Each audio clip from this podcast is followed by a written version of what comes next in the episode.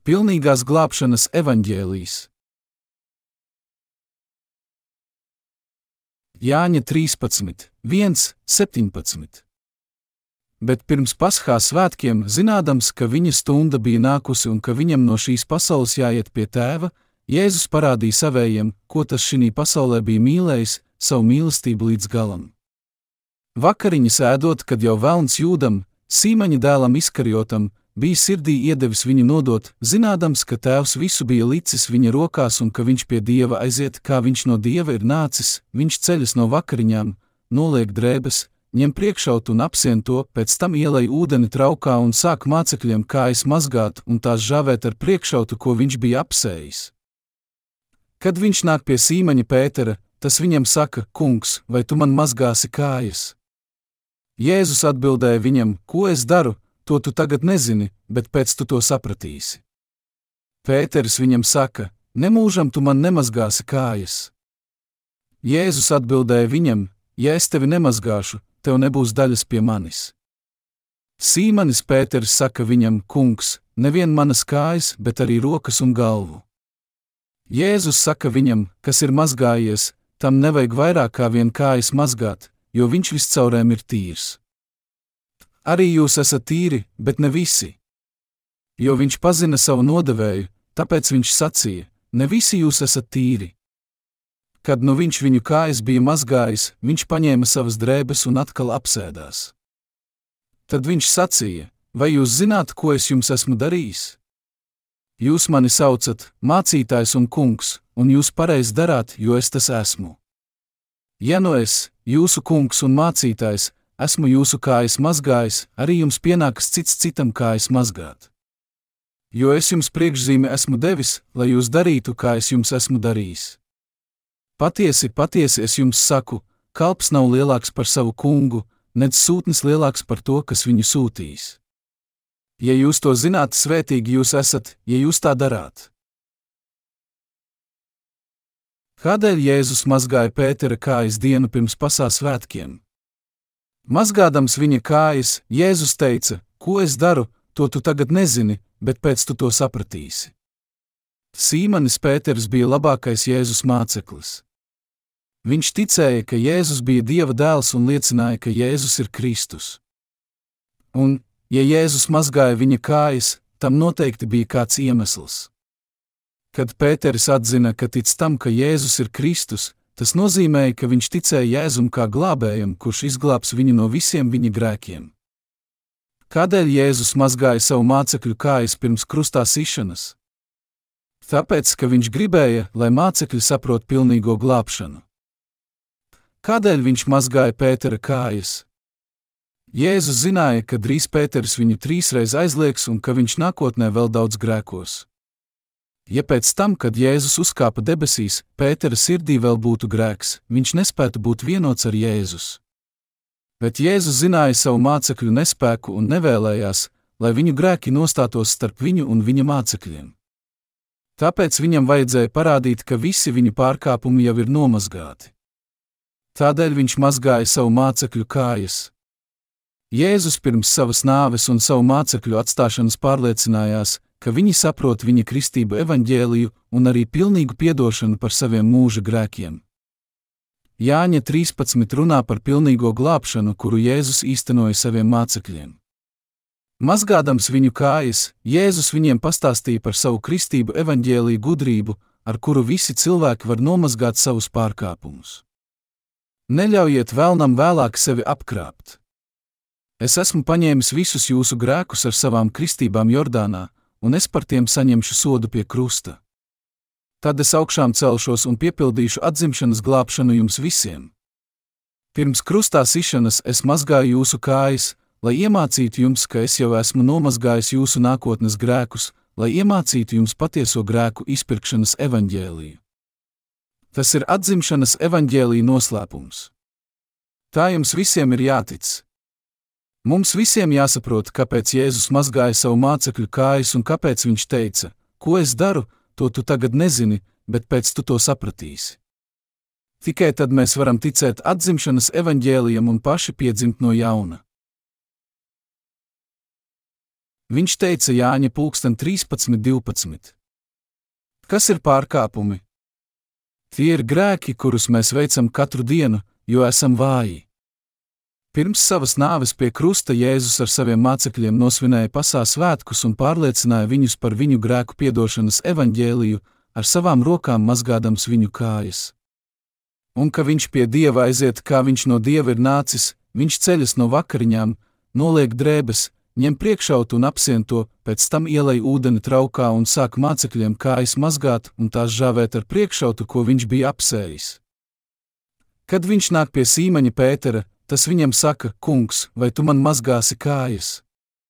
Jēzus atbildēja viņam: Ko es daru, to tu tagad nezini, bet pēc tu to sapratīsi. Viņš mācīja saviem mācekļiem kristību un grēku piedošanas caur savu kristību ūdeni evaņģēliju.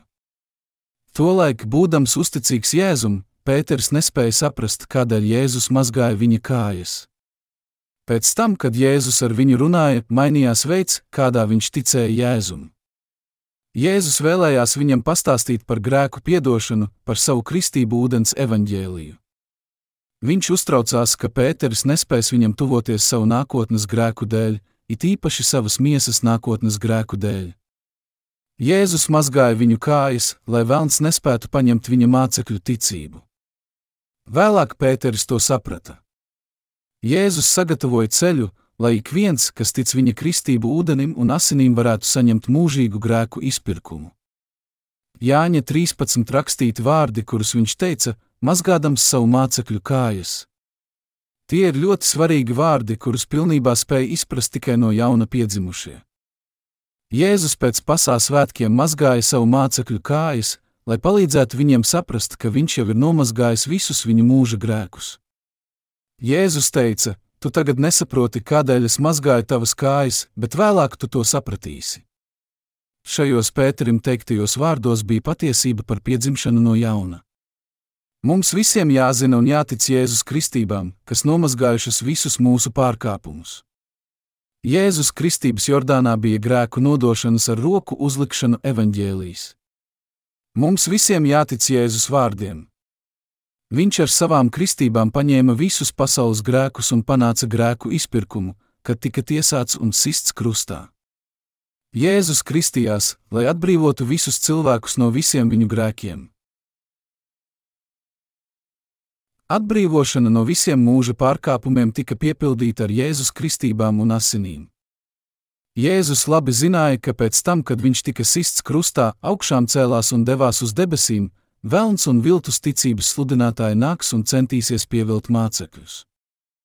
No Pētera liecības, tu esi Kristus, dzīvā Dieva dēls, mēs redzam, ka viņš ticēja Jēzum. Tomēr Jēzus vēlreiz vēlējās iemācīt Pēterim grēku piedošanas evaņģēliju. Evanģēlijas bija Jēzus kristības, ar kurām viņš paņēma visus pasaules grēkus. Viņš to vēlreiz vēlējās iemācīt Pēterim un mācekļiem, un mums, tiem, kas nāks vēlāk. Ko es daru, to tu tagad nezini, bet pēc tu to sapratīsi. Kādus slazdus vēlns izliek taisnīgajiem? Vēlns cenšas pievilkt taisnīgos, lai atkal padarītu tos par grēciniekiem.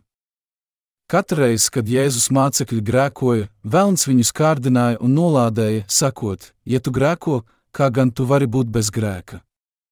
Tu neesi glābts, tu esi grēcinieks. Lai to novērstu, Jēzus viņiem teica, ka viņa ticība Jēzus kristībām jau nomazgājusi visus viņa mūža grēkus, pagātnes, tagadnes un nākotnes. Jūs visi zināt, ka es kristījos. Es kristījos Jordānā tādēļ, lai nomazgātu visus jūsu mūža grēkus, kā arī cilvēces iedzimto grēku. Vai jūs tagad saprotat, kādēļ es kristījos, kādēļ mani sitīs krustā un kādēļ es miršu pie krusta?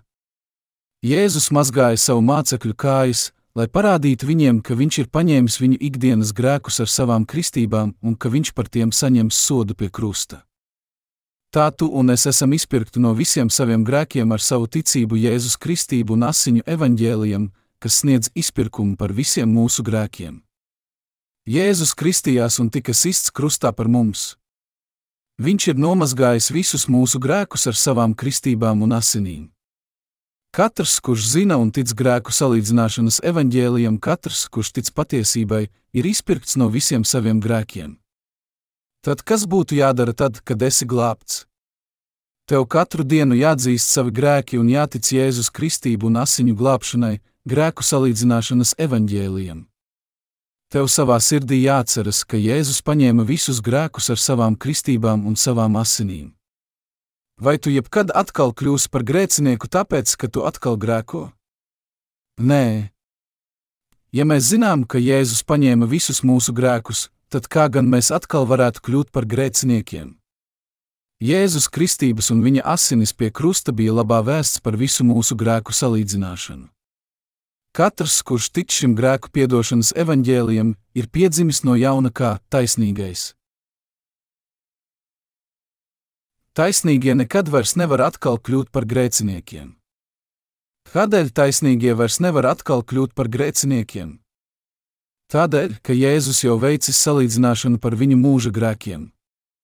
Ja tu tici grēku piedošanas evaņģēlijam, ūdens un gara evaņģēlijam, bet tev joprojām šķiet, ka tu savu ikdienas pārkāpumu dēļ esi grēcinieks, tad tev jādodas uz Jordānu, kur Jēzus kristījās, lai paņemtu visus tavus grēkus.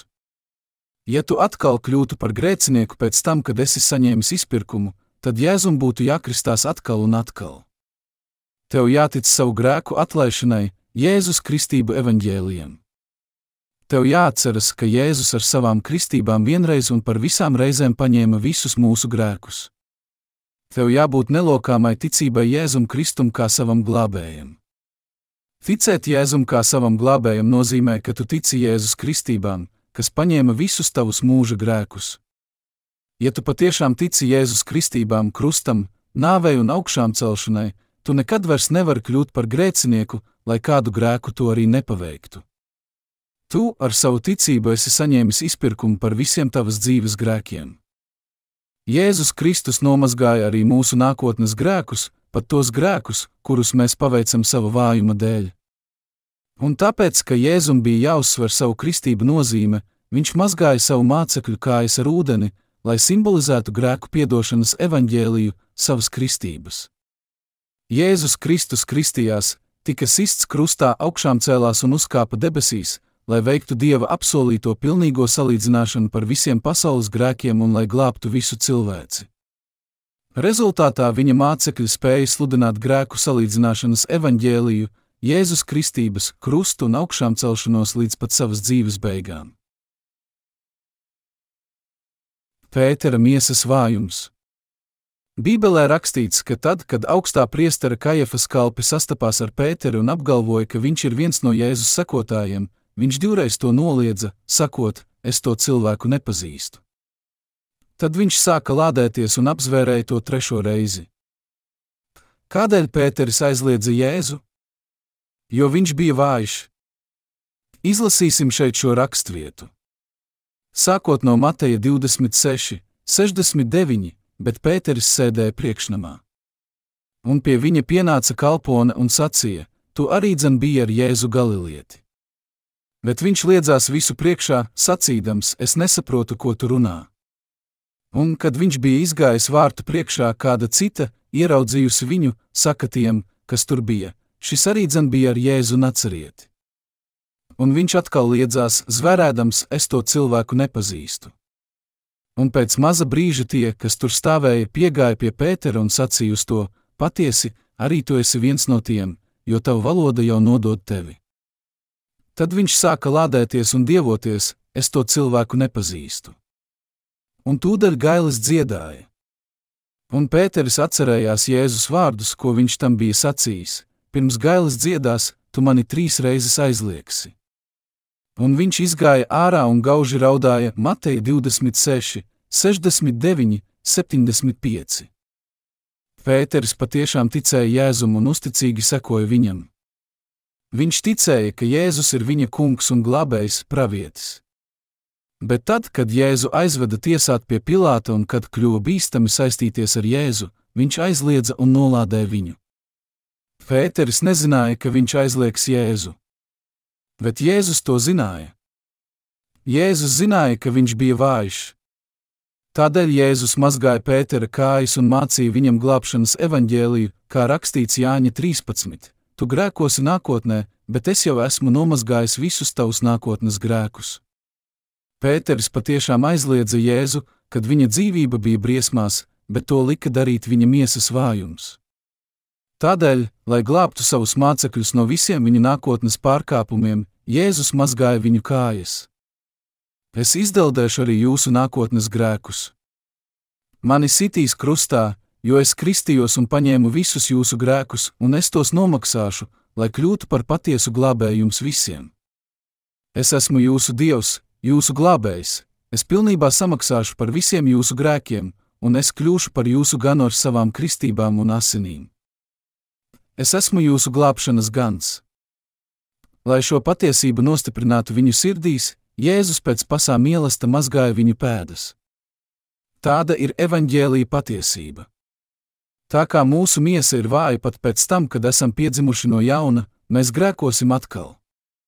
Protams, mums nebūtu jāgrēko, bet tad, kad mēs grēkojam un sastopamies ar nopietnām problēmām, gluži kā Pēters, mēs mēdzam grēkot visnotaļ neapzināti. Tā kā mēs dzīvojam miesā, dažreiz mūsu grēki ved mūsu iznīcībā.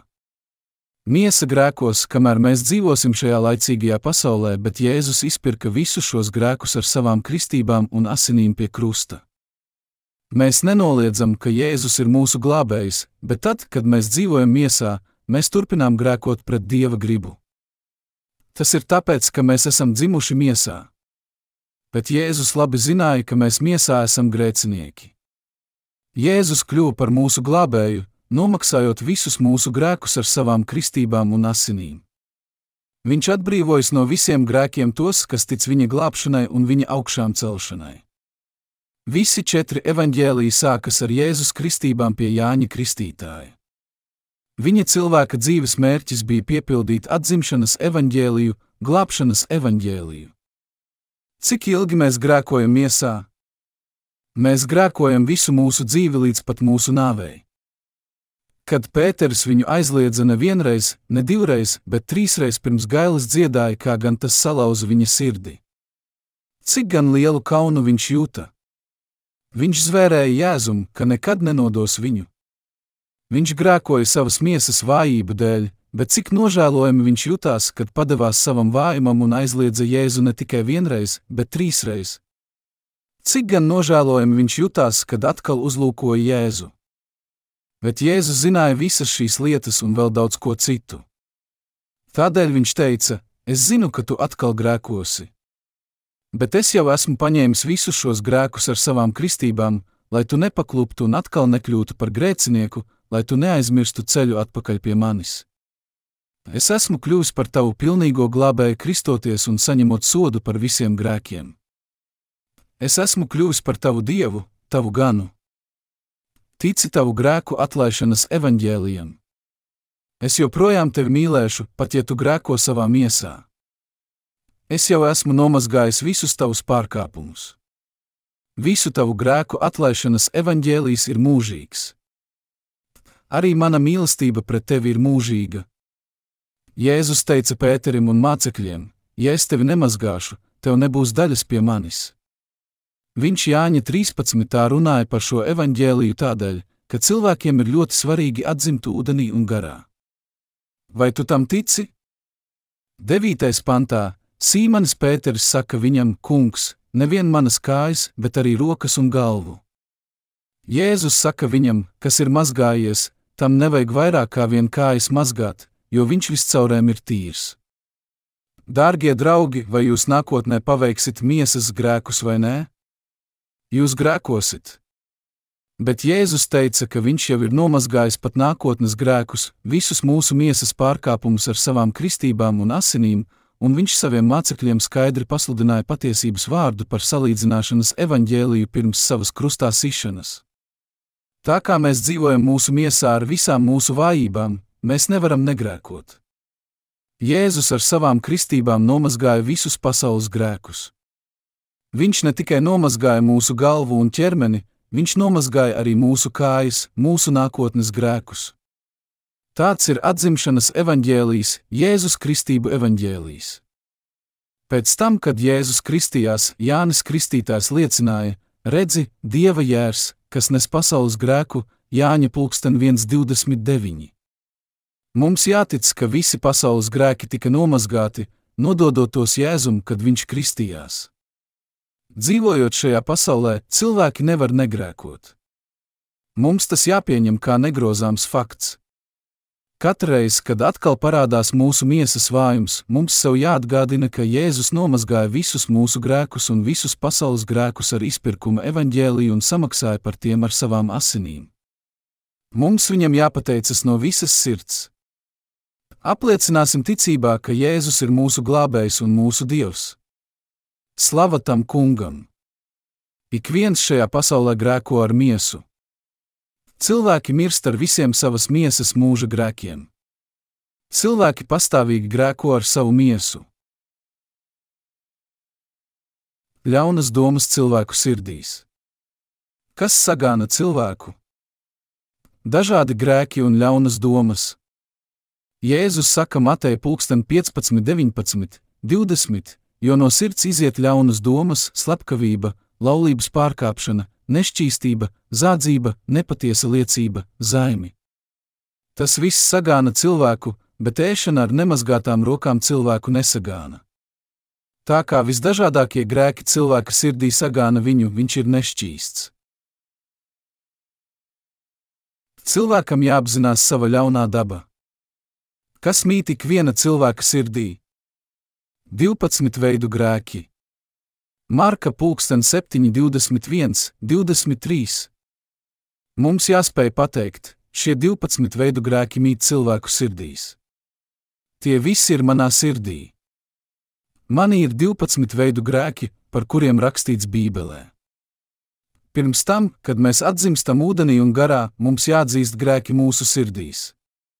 Mums jāatzīst, ka Dieva priekšā mēs esam pilnīgi grēcinieki bet mēs to pārāk bieži nedarām. Daudzi no mums cenšas attaisnot savus grēkus, sakot, manā sirdī šādas domas nekad nav bijušas, man vienkārši paslīdēja kāja. Bet ko Jēzus teica par cilvēkiem?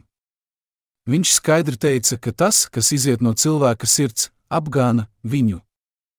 Viņš mums teica, ka cilvēkos ir ļaunas domas. Kā tev šķiet? Vai tu esi labs vai ļauns? Vai tu zini, ka ikvienam ir ļaunas domas? Jā, visu cilvēku domas ir ļaunas.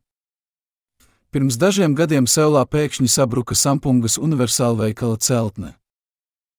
Ģimenes, kas bija zaudējušas savus mīļos, bija dziļā izmisumā.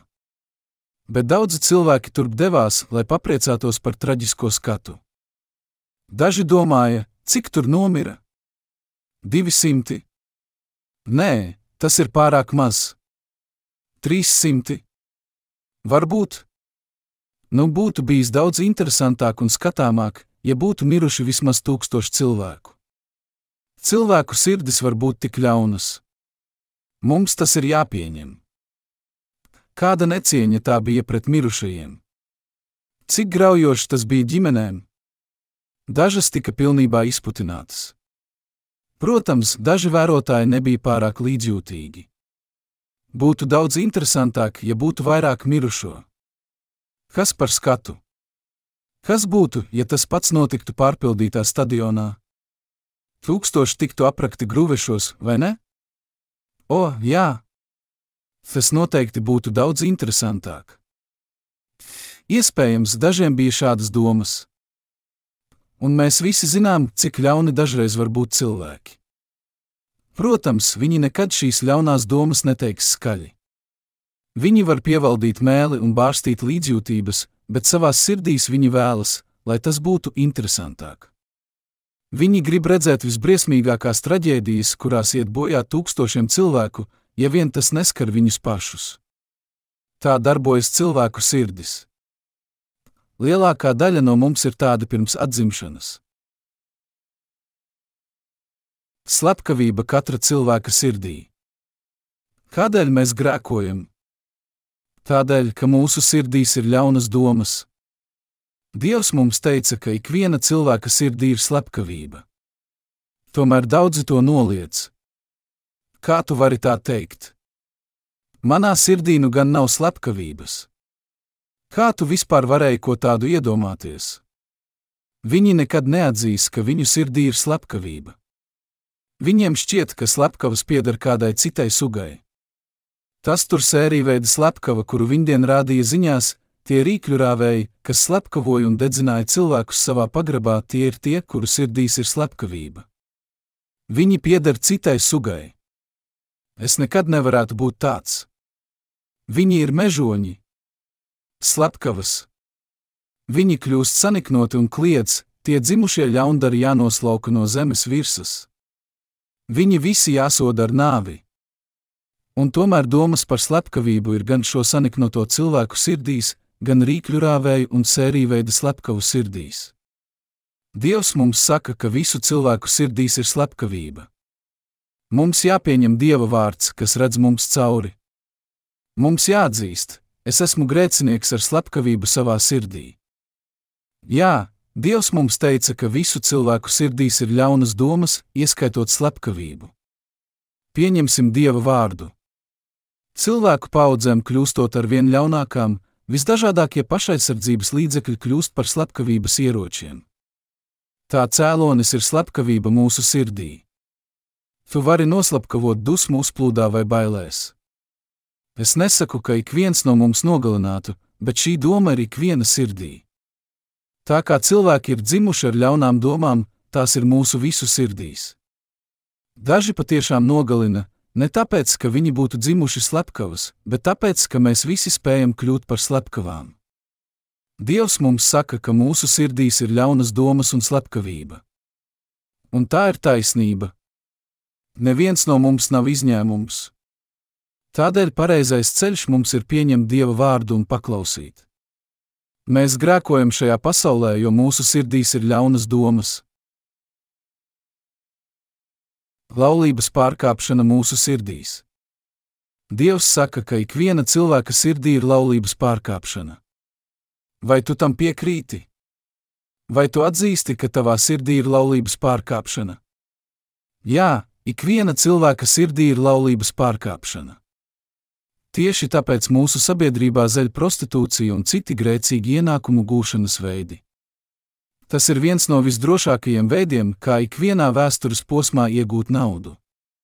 Citus peļņas avotus var ietekmēt ekonomikas lejupslīde, bet šos peļņas avotus tas tik ļoti neskar, jo visu cilvēku sirdīs mīt laulības pārkāpšana. Grēcinieka auglis ir grēks. Ar ko var salīdzināt cilvēku? Ar koku, kas nes grēka augli. Gluži kā abele nes ābolus, bumbiera nes bumbierus, datelpalma nes dateles un persiku koks nes persikus, mēs, kas esam dzimuši ar 12 veidu grēkiem savā sirdī, nesam grēka augli. Jēzus teica, ka tas, kas nāk no cilvēka sirds, viņu apgāna. Vai tu tam piekrīti? Mēs varam vienīgi piekrist Jēzus vārdiem un teikt: Jā, mēs esam grēcinieku un ļauna darītāju dzimums. Jā, tev taisnība, kungs. Jā, mums jāatzīst mūsu ļaunums. Mums pašiem sev Dieva priekšā jāatzīst taisnība. Gluži kā Jēzus paklausīja Dieva gribai, arī mums jāpieņem Dieva vārds un jāpaklausa Viņam. Tikai tā mēs varam tikt glābti no visiem saviem grēkiem caur ūdeni un garu. Tās ir Dieva dāvanas. Mana zeme ir svētīta ar četriem brīnišķīgiem gadalaikiem un, gada laikiem mainoties, dažādi koki nes savus augļus. Tieši tāpat 12 grēki mūsu sirdīs tur mūs savā pakļautībā un pastāvīgi mudina grēkot. Šodien, iespējams, mūsu sirdi sagrābusi slepkavība, rītā varbūt būs laulības pārkāpšana. Tad nākošajā dienā tās ir ļaunas domas, tad nešķīstība, zādzība, nepatiesa liecība. Un tā tālāk un mēs turpinām grēkot visa gada garumā, katru mēnesi, katru dienu, katru stundu. Nepaiet ne diena, kad mēs nepaveicam kādu grēku. Mēs atkal un atkal zvēram, ka atturēsimies no grēka, bet mēs nevaram negrēkot, jo tādi esam dzimuši. Vai jūs kādreiz esat redzējuši ābeli, kas atteikusies nest ābolus, jo tā to nevēlas? Es nevēlos nest ābolus. Pat ja tā nolemtu nenest augļus, kā tā varētu nenest ābolus? Pavasarī vis viens saplauktu ziedi, āboli augtu un nogatavotos vasarā, un augļus varētu ievākt un ēst rudenī. Tas ir dabas likums, un arī grēcinieka dzīvē jāsako dabas likumam. Grēcinieki nevar nest neko citu, kā vien grēka augļus. Kristības un Jēzus krusts bija paredzēts, lai veiktu salīdzināšanu par mūsu grēkiem. Ko nozīmē salīdzināšana? Tā ir grēka algas saņemšana ar Jēzus kristībām, roku uzlikšanu un viņa asinīm pie krusta. Izlasīsim kādu raksturvietu no Bībeles, lai uzzinātu, kā grēcinieki, ļaundaru dzimums var veikt salīdzināšanu par saviem grēkiem Dieva priekšā un dzīvot laimīgi. Tas ir grēku salīdzināšanas evaņģēlijs. Trešais mūzus četri ir teikts, bet ja kāds cilvēks no vienkāršiem ļaudīm netīšām apgrēkojas, ka tas dara, kas aizliegts, kaut vai tikai pret vienu no tā kunga baušļiem, tad tas ir vainīgs. Un, ja grēks, ar kādu tas apgrēkojies, kļūst zināms, tad lai viņš kā upura dāvanu par savu grēku, kādu viņš ir darījis, atved jaunu kazu, kas ir bez vainas. Un lai viņš liek roku uz grēku upura galvas, un viņš lai nokauj grēku upuri, kur dedzināmā upura vieta un lai priesteris ņem daļu no tā asinīm ar savu pirkstu un liek tās uz dedzināmā upura altāra ragiem, bet pārējās asinis viņš lai izlej uz altāra grīdas. Bet viņš lai noņem visus tā taukus, itin kā tie tiek noņemti no kaujamā pateicības upura, un lai priesteris taukus aizdedzina uz altāra tam kungam par patīkamu smaržu. Priesteris, lai izdara salīdzināšanu viņa labad, tad viņam taps piedots. Bet, ja tiek nesta aus par grēka upura dāvanu, tad tai jābūt aitiņai, kas ir bez vainas. Un lai viņš liek roku uz grēku upura galvas un to nokauj par grēku upuri vietā, kurā tiek kauti dedzināmie upuri. Un lai priesteris ņem daļu asiņu no grēku upura ar savu pirkstu un liek tās uz dedzināmo upuru altāra, bet atlikušās asinis viņš lai izlej uz altāra grīdas. Bet visus tās taukus lai noņem, tāpat kā tie tika noņemti avī kaujamā pateicības upurī, kas pateicībai upurēts, un lai priesteris tos sadedzina uz altāra par uguns upuri tam kungam, un priesteris, lai izdara salīdzināšanu par viņa grēku, ko viņš darīs, tad viņam taps piedots trešais. Mūzus pulksten 427, 31. Kā vecās derības laikos cilvēki veica salīdzināšanu par saviem grēkiem. Viņi uzlika savas rokas uz grēku upura galvas un nodeva tam savus grēkus. Trešais mūzus ir rakstīts: Ja kāds no jūsu vidus vēlas tam kungam pienest upuri, tad tam jāizrauga dzīvnieks vai no lielopiem, vai no sīklopiem. Ja viņš pienes dedzināmo upuri no lielopiem, tad ir jāupurē vērsis, kas bez vainas. Tas jānovieto pret sajiešanas telts durvīm, kā tas tam kungam labi patīk. Un viņš lai liek savu roku uz dedzināmā upura galvas, un tas kungs to labvēlīgi pieņems par salīdzināšanu trešais. Mūzus 1, 2, 4. Dievs lika viņiem sagatavot grēku upurus, kurus lietotu, lai veiktu salīdzināšanu par Izraēla grēkiem. Un viņš viņiem lika uzlikt savas rokas uz grēku upura galvas, lai nodotu tam grēkus. Saiešanas telts pagalmā bija dedzināmo upuru altāris. Tā bija kaste, kas bija mazliet lielāka par kanceli, un tās četros stūros bija ragi. Izraēla ļaudis veica salīdzināšanu par saviem grēkiem, uzliekot savas rokas uz grēku upura galvas un sadedzinot tā ķermeni uz dedzināmo upuru altāra. Dievs trešais. Mūzus ļaudīm teica, lai viņš pieved vērsi pie sajiešanas telts durvīm tā kunga priekšā. Viņu grēki tika nodoti grēku upurim, kad viņi uzlika rokas uz tā galvas, un tad grēcinieks pārgrieza upura rīkli un uztriepa tā asinis uz dedzināmo upuru altāra ragiem. Pēc tam upura ķermenim izņēma iekšējos orgānus, bet gaļu sagrieza gabalos un sadedzināja uz dedzināmo upuru altāra. Tad gaļas saldā smarža tika piedāvāta dievam viņu salīdzināšanai. Tā viņi veica salīdzināšanu par saviem ikdienas grēkiem. Tad vēl bija salīdzināšanas upuris par viņu gada grēkiem. Tas atšķīrās no salīdzināšanas upura par ikdienas grēkiem tā, ka augstais priesteris uzlika savas rokas uz grēku upura visu Izraēla ļaužu vārdā un septiņas reizes apslacīja derības šķirstu ar asinīm. Arī roku uzlikšana uz dzīvā āža galvas notika visu Izraēla ļaužu priekšā katru gadu 7. mēneša 10. dienā, 3. Mūzus 16, 5, 27. Kas simbolizē vecās derības grēku upuri? Jēzus Kristus. Tagad noskaidrosim, kā upurēšanas sistēma mainījusies jaunajā derībā un kā dieva mūžīgais likums palicis nemainīgs gadu garumā. Kādēļ Jēzum bija jāmirst pie krusta? Ko tik ļaunu viņš paveica uz šīs zemes, ka dievam bija jāļauj viņa dēlam mirt pie krusta? Kas lika viņam mirt pie krusta? Kad visi pasaules grēcinieki, tas ir, mēs visi, bija krituši grēkā, Jēzus nāca šajā pasaulē, lai mūs glābtu. Viņš kristījās pie Jāņa Kristītāja Jordānā un saņēma sodu pie krusta par visiem grēkiem visas cilvēces vārdā. Tas, kā Jēzus kristījās un kā viņš nosiņoja pie krusta, bija tāpat kā salīdzināšanas upuris vecajā derībā, roku uzlikšana uz grēku upura un tā asiņu izliešana. Šādi tas tika darīts vecajā derībā. Grēcinieks uzlika savas rokas uz grēku upura un izsūdzēja savus grēkus, sakot: Kungs, es esmu grēkojis es esmu slepkavojis un pārkāpis laulību. Tad viņa grēki tika nodoti grēku upurim.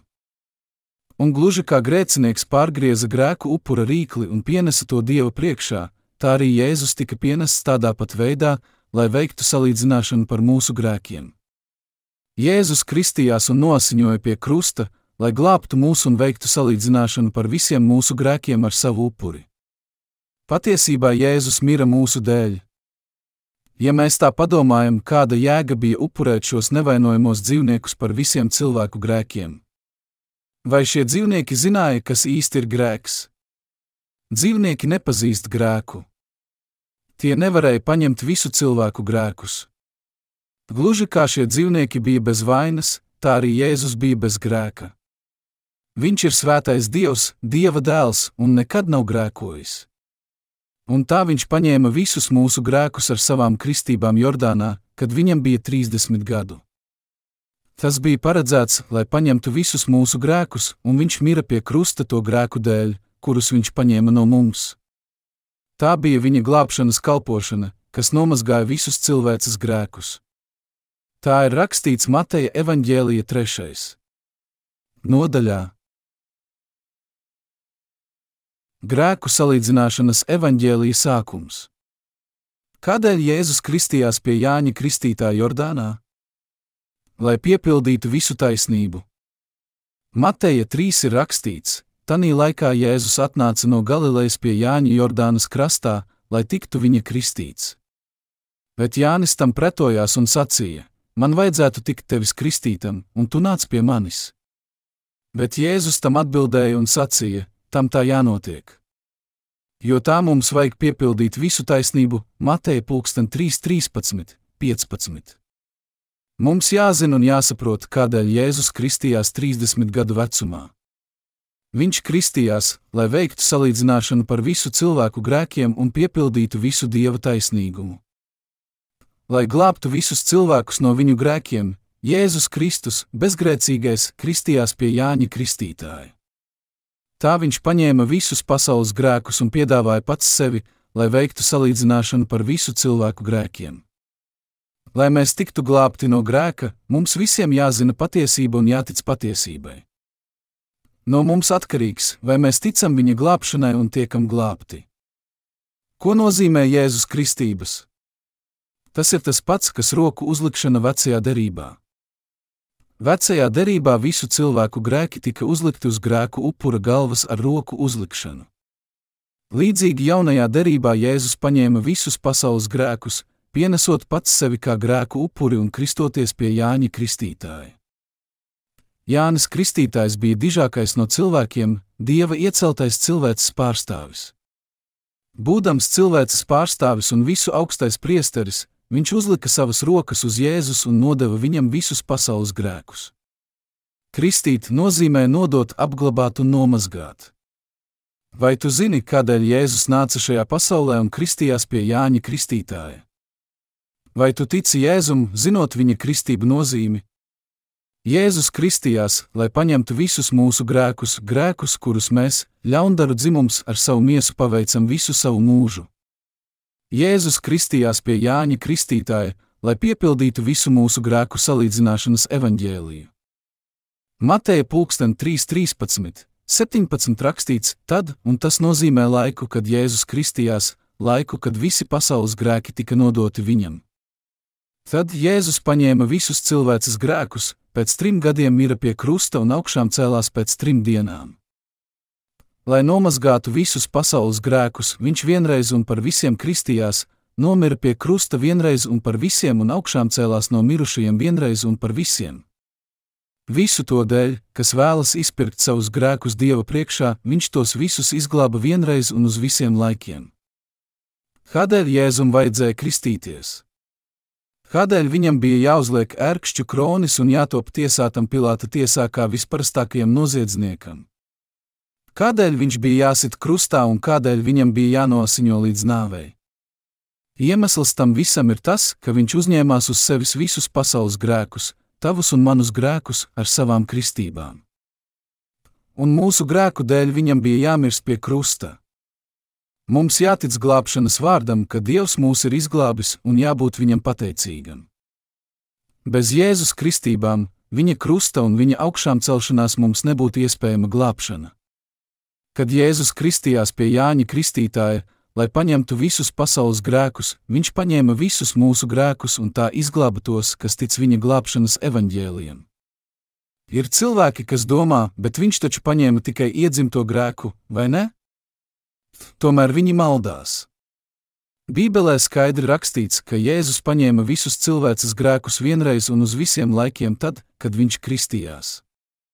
Visi mūsu grēki, ieskaitot iedzimto grēku, ir nomazgāti.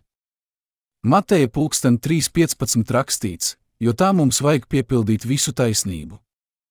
Piepildīt visu taisnību nozīmē, ka visi mūsu grēki, bez izņēmuma, ir paņemti.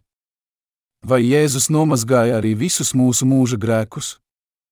Jā, sameklēsim trešais. Mūzus tam pierādījumu.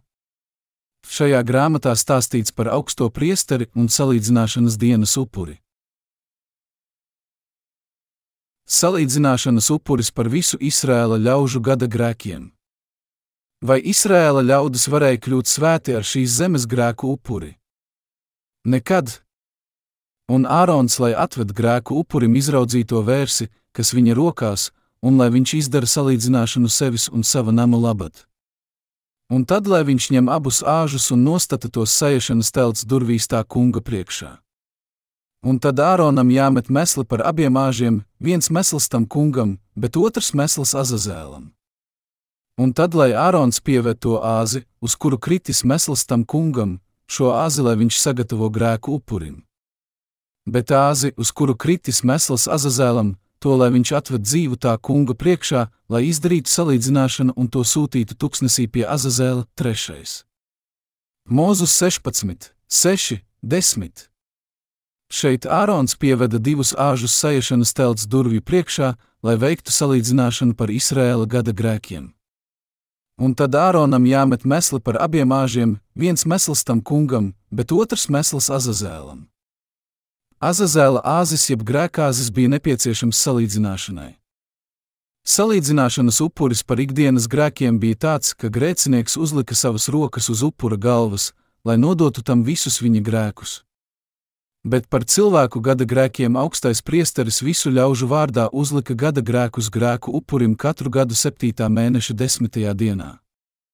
Trešais mūzus pulksten 16.29, 31 ir rakstīts, Septītā mēneša desmitajā dienā jums būs savas dvēseles pakļaut gavēnim, un jums nebūs strādāt nekādu darbu, nedz iedzimtajam, nedz svešiniekam, kas mīt jūsu vidū, jo šī dienā tiek izdarīta salīdzināšana jūsu labad, lai šķīstītu jūs, un jūs būsiet šķīsti no visiem saviem grēkiem tā kunga priekšā. Šī lai jums ir augsta dusēšanas diena, un pakļaujiet savas dvēseles gavēnim, tāds lai ir likums mūžam trešais.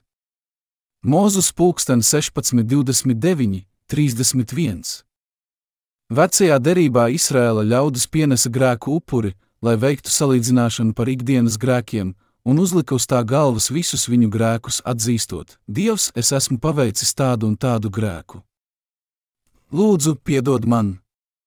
Tad viņš pārgrieza grēku upura rīkli, atdeva asinis priesterim un devās mājup, būdams pārliecināts, ka tagad ir brīvs no saviem grēkiem. Grēku upuris nomira par grēcinieku ar grēku uz tā galvas. Grēku upuris tika nogalināts viņa vietā. Vecajā derībā grēku upuris varēja būt āzis, teļš, vērsis, visi dieva atšķirtie šķīstie dzīvnieki. Tā vietā, lai grēcinieks mirtu par saviem grēkiem, Dievs savā bezizmēra žēlsirdībā atļāva tā vietā piedāvāt dzīvnieka dzīvību. Tādā veidā vecajā derībā grēcinieki varēja veikt salīdzināšanu par saviem grēkiem ar salīdzināšanas upuri. Grēcinieku pārkāpumi tika nodoti grēku upurim ar roku uzlikšanu, un tā asinis tika atdotas priesterim, lai izdeldētu grēcinieka grēkus.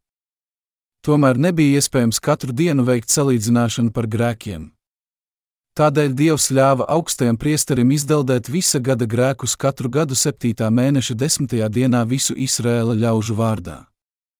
Tad kāda bija priestera nozīme salīdzināšanas dienā?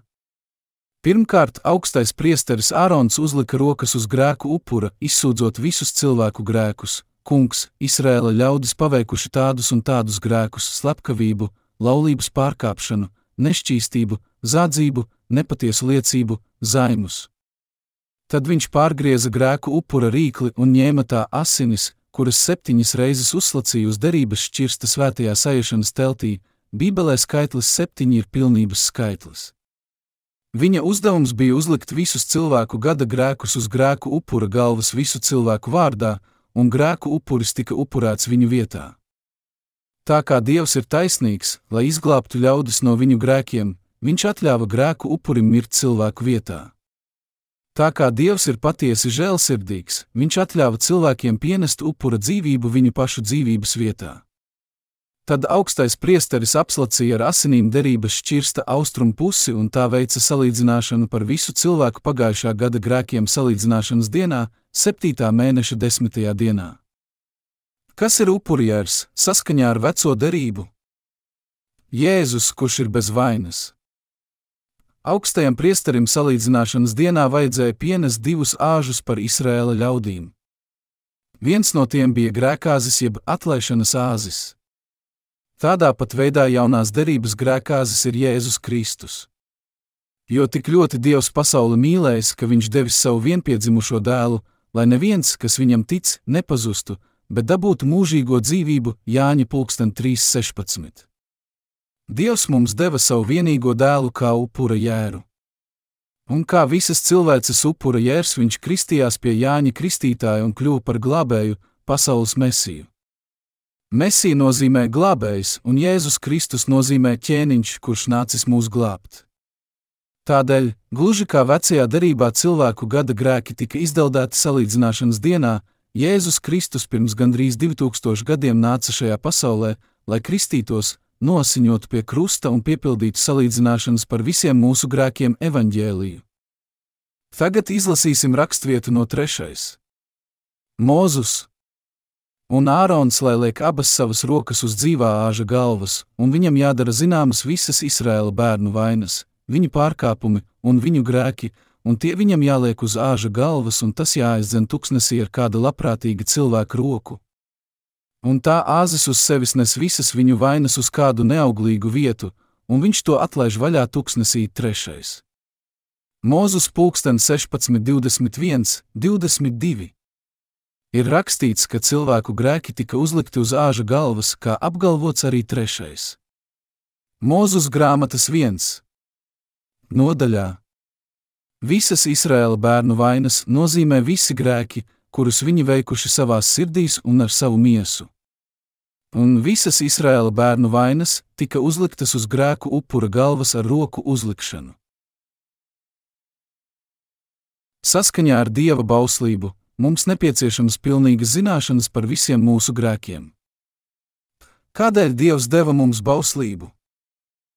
Lai dotu mums grēka atziņu. Dieva bauslība sastāv no 613 baušļiem. Ja mēs par tiem padomājam, mēs redzam, ka esam darījuši to, ko viņš aizliedza mums darīt, un neesam darījuši to, ko viņš lika mums darīt.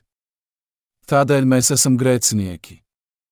Un Bībelē rakstīts, ka Dievs deva mums šos likumus, lai mēs apzinātos savus grēkus, Romiešiem 3.20. Tas nozīmē, ka Viņš deva mums savu bauslību un savus baušļus, lai iemācītu mums, ka mēs esam grēcinieki. Viņš nedeva tos tādēļ, ka mēs spējam dzīvot saskaņā ar tiem, bet gan tāpēc, lai mēs apzinātos savus grēkus. Viņš nedeva mums savu bauslību un baušļus, lai mēs tos ievērotu. Nevar cerēt, ka suns dzīvos kā cilvēks. Tāpat arī mēs nekad nespējam dzīvot saskaņā ar dieva likumu, mēs tikai varam apzināties savus grēkus ar viņa bauslību un baušļiem. Dievs tos deva tāpēc, ka mēs esam grēka kalni, bet paši to neapzināmies. Jūs esat slepkavas, nešķīstie, ļauna darītāji.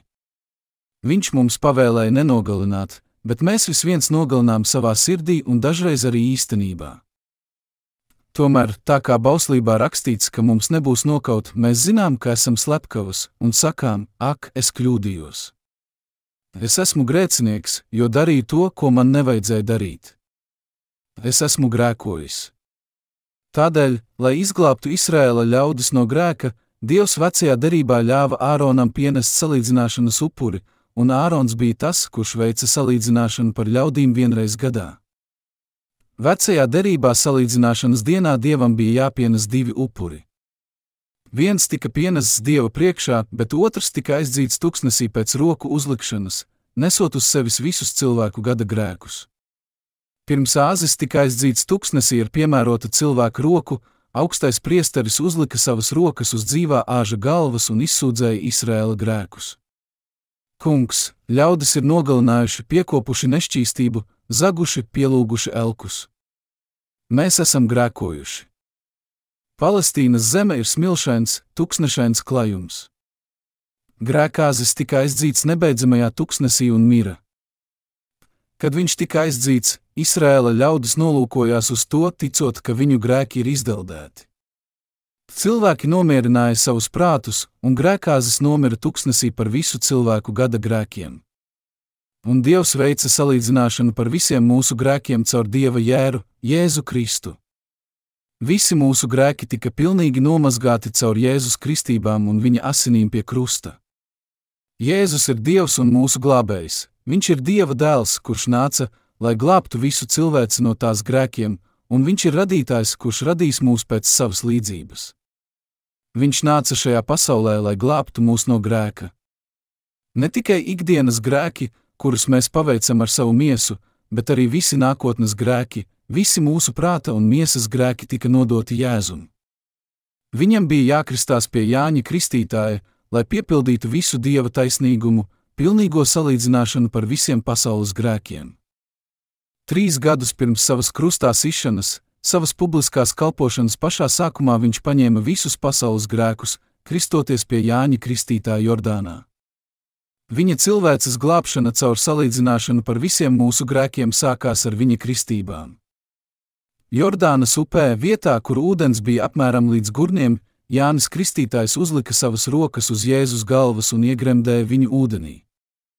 Šīs kristības bija tādas pat kā roku uzlikšana vecajā derībā, un tās tieši tāpat nodeva visus mūsu grēkus. Iegremdēšana ūdenī nozīmēja nāvi, un iznākšana no ūdens nozīmēja augšām celšanu. Tātad, kristoties pie Jāņa Kristītāja, Jēzus piepildīja un atklāja visus trīs - grēku paņemšanu, krustā sišanu un augšām celšanos. Mēs varam saņemt glābšanu tikai tad, ja paklausām vārdiem, ar kuriem Jēzus izglāba mūs no grēka. Dievs nolēma glābt mūs caur Jēzu, un tā tika piepildīta derība, kuru viņš slēdza vecajā derībā. Un Jēzus devās pie krusta ar visiem mūsu grēkiem uz savas galvas. Kāds darbs atlicis mums, ja Jēzus ir izdeldējis visus mūsu grēkus? Mums tikai jāklausa Dieva vārdiem. Jāņa pulksten 1.29 ir rakstīts, otrā dienā Jānis ierauga nākam Jēzu un saka: Redzi, Dieva jērs, kas nes pasaules grēku. Jānis Kristītājs liecināja: Redzi, Dieva jērs, kas nes pasaules grēku.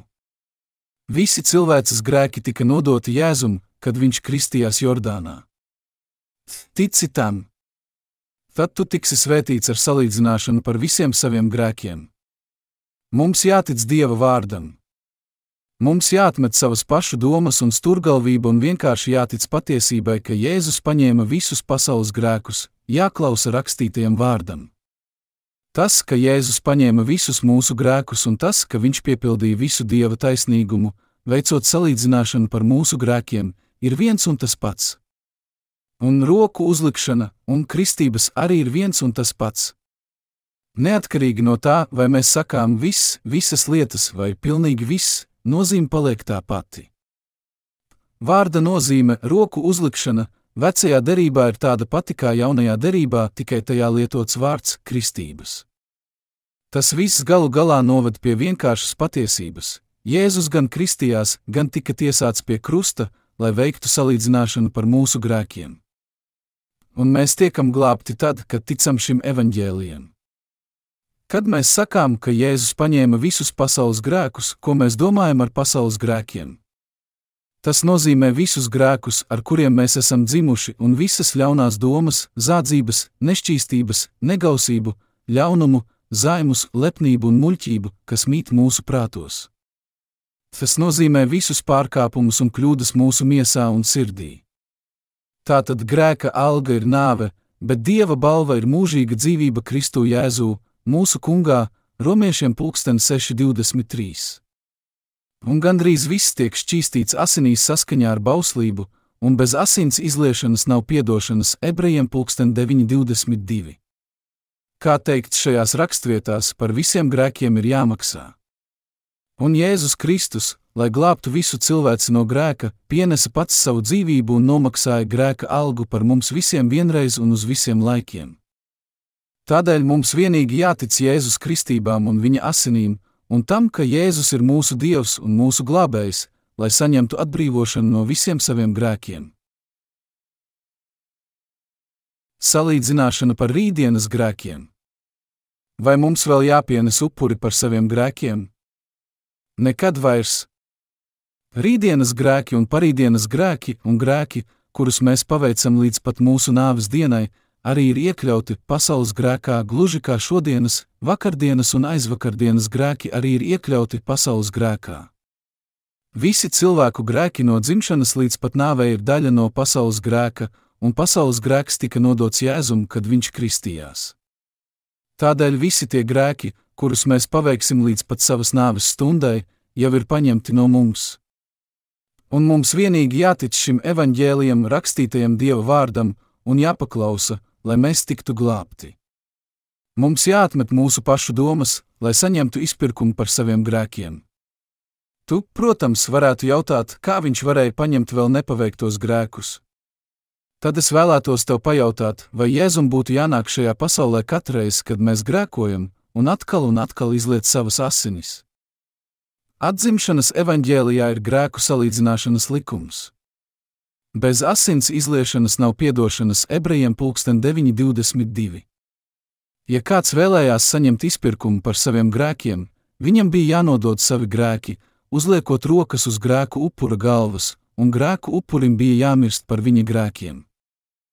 Tieši tādā veidā Dieva dēls nāca šajā pasaulē, lai glābtu visu cilvēci. Viņš kristījās, lai paņemtu visus mūsu grēkus, viņš nosiņoja pie krusta, lai saņemtu algu par mūsu grēkiem, un viņš mira pie krusta, sakot, viss piepildīts. Viņš augšām cēlās no mirušajiem pēc trīs dienām un tagad sēž pie Dieva labās rokas. Viņš uz mūžiem ir kļuvis par mūsu glābēju. Lai pilnībā atbrīvotos no mūsu grēkiem, Mums jāatmet visas ierūsējušās domas un jāatsakās no reliģiskā uzskata, ka mums jāizpērk savi grēki katru dienu. Lai visi cilvēces grēki tiktu izdeldēti, bija nepieciešams upuris viens par visiem. Dievs debesīs nodeva visus pasaules grēkus savam dēlam viņa kristībās un lika, lai viņu par mums sit krustā. Un ar viņa augšām celšanos no mirušajiem mūsu glābšana bija pabeigta. Viņš bija ievainots mūsu pārkāpumu dēļ un mūsu grēku dēļ satriekts. Mūsu sots bija uzlikts viņam mums par atpestīšanu, ar viņa brūcēm mēs esam dziedināti. Bet tas kungs uzkrāva visus mūsu grēkus viņam. Iesaist 53 teikts, ka visas pasaules, visas cilvēces pārkāpumi un nepilnības tika nodoti Jēzum Kristum. Un jaunajā derībā Efeziešiem 1,4 rakstīts: Viņā tas mūs pirms pasaules radīšanas izredzējis. Šeit ir teikts, ka viņš mūs izvēlējās viņā vēl pirms pasaules radīšanas. Pat pirms tam, kad pasaule bija radīta, Dievs izvēlējās darīt mūs par saviem ļaudīm, taisnīgus un bezvainīgus Kristū. Lai arī ko mēs iepriekš būtu domājuši, mums tagad jātic un jāklausa Dieva vārdiem, ūdens, asiņu un gara vārdiem. Dievs mums teica, ka viņa jērs, Jēzus Kristus, paņēma visus pasaules grēkus un veica salīdzināšanu par visu cilvēci. Ebrejiem desmit ir rakstīts, jo bauslībai piemīt nākamo labumu ēna, ne pats lietu veids, nekad nevar ik gadus ar tiem pašiem upuriem, ko nepārtraukti atnes, padarīt pilnīgus tos, kas ar tiem tuvojas ebrejiem desmit. 1. Šeit teikts, ka pastāvīga to pašu upuru pienešana gadu pēc gada nekad nevar padarīt mūs pilnīgus. Bauslība ir nākamo labumu ēna, nevis lietu attēls. Jēzus Kristus, apsolītais Mesija, padarīja mūs pilnīgus vienreiz un uz visiem laikiem, gluži kā Izraēla gada grēki tika salīdzināti vienreiz un par visiem, ar savām kristībām un nāvi pie krusta, lai veiktu salīdzināšanu par visiem mūsu grēkiem. Tādēļ Jēzus vēstules ebrejiem desmitais. Nodaļā teica, tad viņš sacīja: Raugi, es nāku tavu prātu darīt. Viņš atceļ pirmo, lai nodibinātu otru. Pēc šīs gribas mēs esam ar Jēzus Kristus miesas upuri padarīti svēti pavisam. Un katrs priesteris gan ikdienas stāv kalpodams un bieži tos pašus upurus upurēdams, kas nekad nevar iznīcināt grēkus bet viņš vienu upuri par grēkiem upurējis, uz visiem laikiem ir nosēdies pie dieva labās rokas, joprojām gaidīdams, kamēr viņa ienaidnieki tiks likti viņa kāju pameslam. Jo ar vienu upuri viņš uz visiem laikiem ir padarījis pilnīgus tos, kas tiek darīti svēti. Bet arī svētais gars mums liecina. Pēc tam, kad ir teikts, šī ir tā derība, ko es ar viņiem celšu pēc tām dienām, saka tas kungs, savus baušļus es došu viņu sirdīs un rakstīšu tos viņu prātā, un viņu grēkus un viņu netaisnības vairs nepieminēšu. Bet kur ir grēku piedošana, tur vairs nav upuru par grēku ebrejiem 10, 9, 18. Un mēs ticam, ka Jēzus izglābis mūs no visiem pasaules grēkiem ar savām kristībām un asinīm pie krusta. Atzimšanas ūdenī un garā glābšana, kas ir ierakstīta mūsu sirdīs un prātos. Vai mēs esam taisnīgi tāpēc, ka vairs negrēkojam? Nē, mēs esam taisnīgi tāpēc, ka Jēzus paņēma visus mūsu grēkus un mēs ticam viņam. Vai jūs visi ticat? Āmen! Vai jūs ticībā paklausat Dieva vārdiem, ka pats Jēzus Kristus kristījās un nosiņoja pie krusta, lai izglābtu mūs? Mums jāpaklausa, lai piedzimtu no jauna. Kad mēs ticam, ka Jēzus Kristus ar izpirkuma evaņģēlīju nomazgāja mūsu grēkus un visus pasaules grēkus, mēs varam saņemt glābšanu. Mēs nekad nevaram kļūt pilnīgi, ievērojot Dieva likumu, bet mēs varam kļūt pilnīgi ar savu ticību Dieva darbiem. Jēzus Kristus paņēma visus mūsu grēkus ar savām kristībām Jordānā un saņēma tiesu un sodu par visiem mūsu grēkiem pie krusta. Ticot šim evaņģēlijam ar visu savu sirdi, mēs varam saņemt izpirkumu par visiem saviem grēkiem un kļūt taisnīgi. Vai tu tam tici? Jēzus Kristības, viņa krustā sišana un augšām celšanās paredzētas visas cilvēces grēku izpirkšanai un glābšanas likumam, kas balstīts uz Dieva bezgalīgo mīlestību. Dievs mīl mūs tādus, kādi mēs esam, un Viņš ir taisnīgs, tādēļ Viņš mūs vispirms padarīja taisnīgus. Viņš padarīja mūs taisnīgus, nododot visus mūsu grēkus Jēzum ar viņa kristībām. Viņš sūtīja savu vienīgo dēlu, Jēzu, šajā pasaulē, lai nomazgātu visus mūsu grēkus. Viņš atļāva Jēzum paņemt visus pasaules grēkus caur Jēzus kristībām un tad nodeva savam dēlam sodu par visiem mūsu grēkiem. Viņš darīja mūs par saviem taisnīgajiem bērniem ar ūdens un asiņu, dieva nesautīgās mīlestības glābšanu. Ebrejiem pulksten 10.16 rakstīts: Savus baušļus es došu viņu sirdīs un rakstīšu tos viņu prātā. Vai mūsu sirdīs un prātos mēs esam grēcinieki vai taisnīgie Dieva priekšā? Ja mēs paklausām Dieva darbiem, mēs kļūstam taisnīgi. Jēzus Kristus paņēma visus mūsu grēkus un arī sodu par tiem. Jēzus Kristus ir mūsu glābējs. Mēs varētu domāt, tā kā mēs grēkojam katru dienu, kā gan mēs varētu būt taisnīgi. Mēs noteikti esam grēcinieki. Bet tad, kad mēs paklausām Dieva vārdiem, gluži kā Jēzus paklausīja tēvam, mēs kļūstam taisnīgi. Protams, kā jau es iepriekš teicu, mūsu sirdīs bija grēks, kad mēs vēl nebijām piedzimuši no jauna. Taču tad, kad mēs savā sirdī pieņēmām grēku atlaišanas evaņģēliju, mēs tikām glābti no saviem grēkiem. Kad mēs nezinājām evaņģēliju, mēs bijām grēcinieki. Bet mēs kļuvām taisnīgi, kad sākām ticēt Jēzus glābšanai, un tad mēs kļuvām par taisnīgiem Dieva bērniem. Šī ir tā ticība, kas ļauj kļūt taisnīgam un par kuru runāja apustulis Pāvils. Ticība izpirkuma evaņģēlijam padarījusi mūs par taisnīgajiem.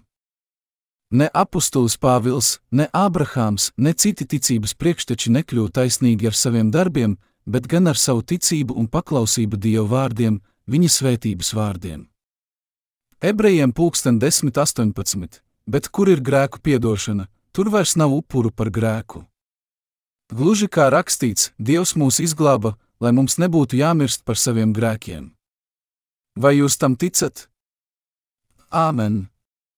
Filipiešiem divi savā starpā turiet tādu pat prātu, kāds ir arī Kristu Jēzu, kas, dieva veidā būdams, neturēja par laupīm līdzināties dievam, bet sevi iztukšoja, pieņemdams kalpa veidu, tapdams cilvēkiem līdzīgs, un cilvēka kārtā būdams, viņš pazemojās, kļūdams paklausīgs līdz nāvei, līdz pat krusta nāvei.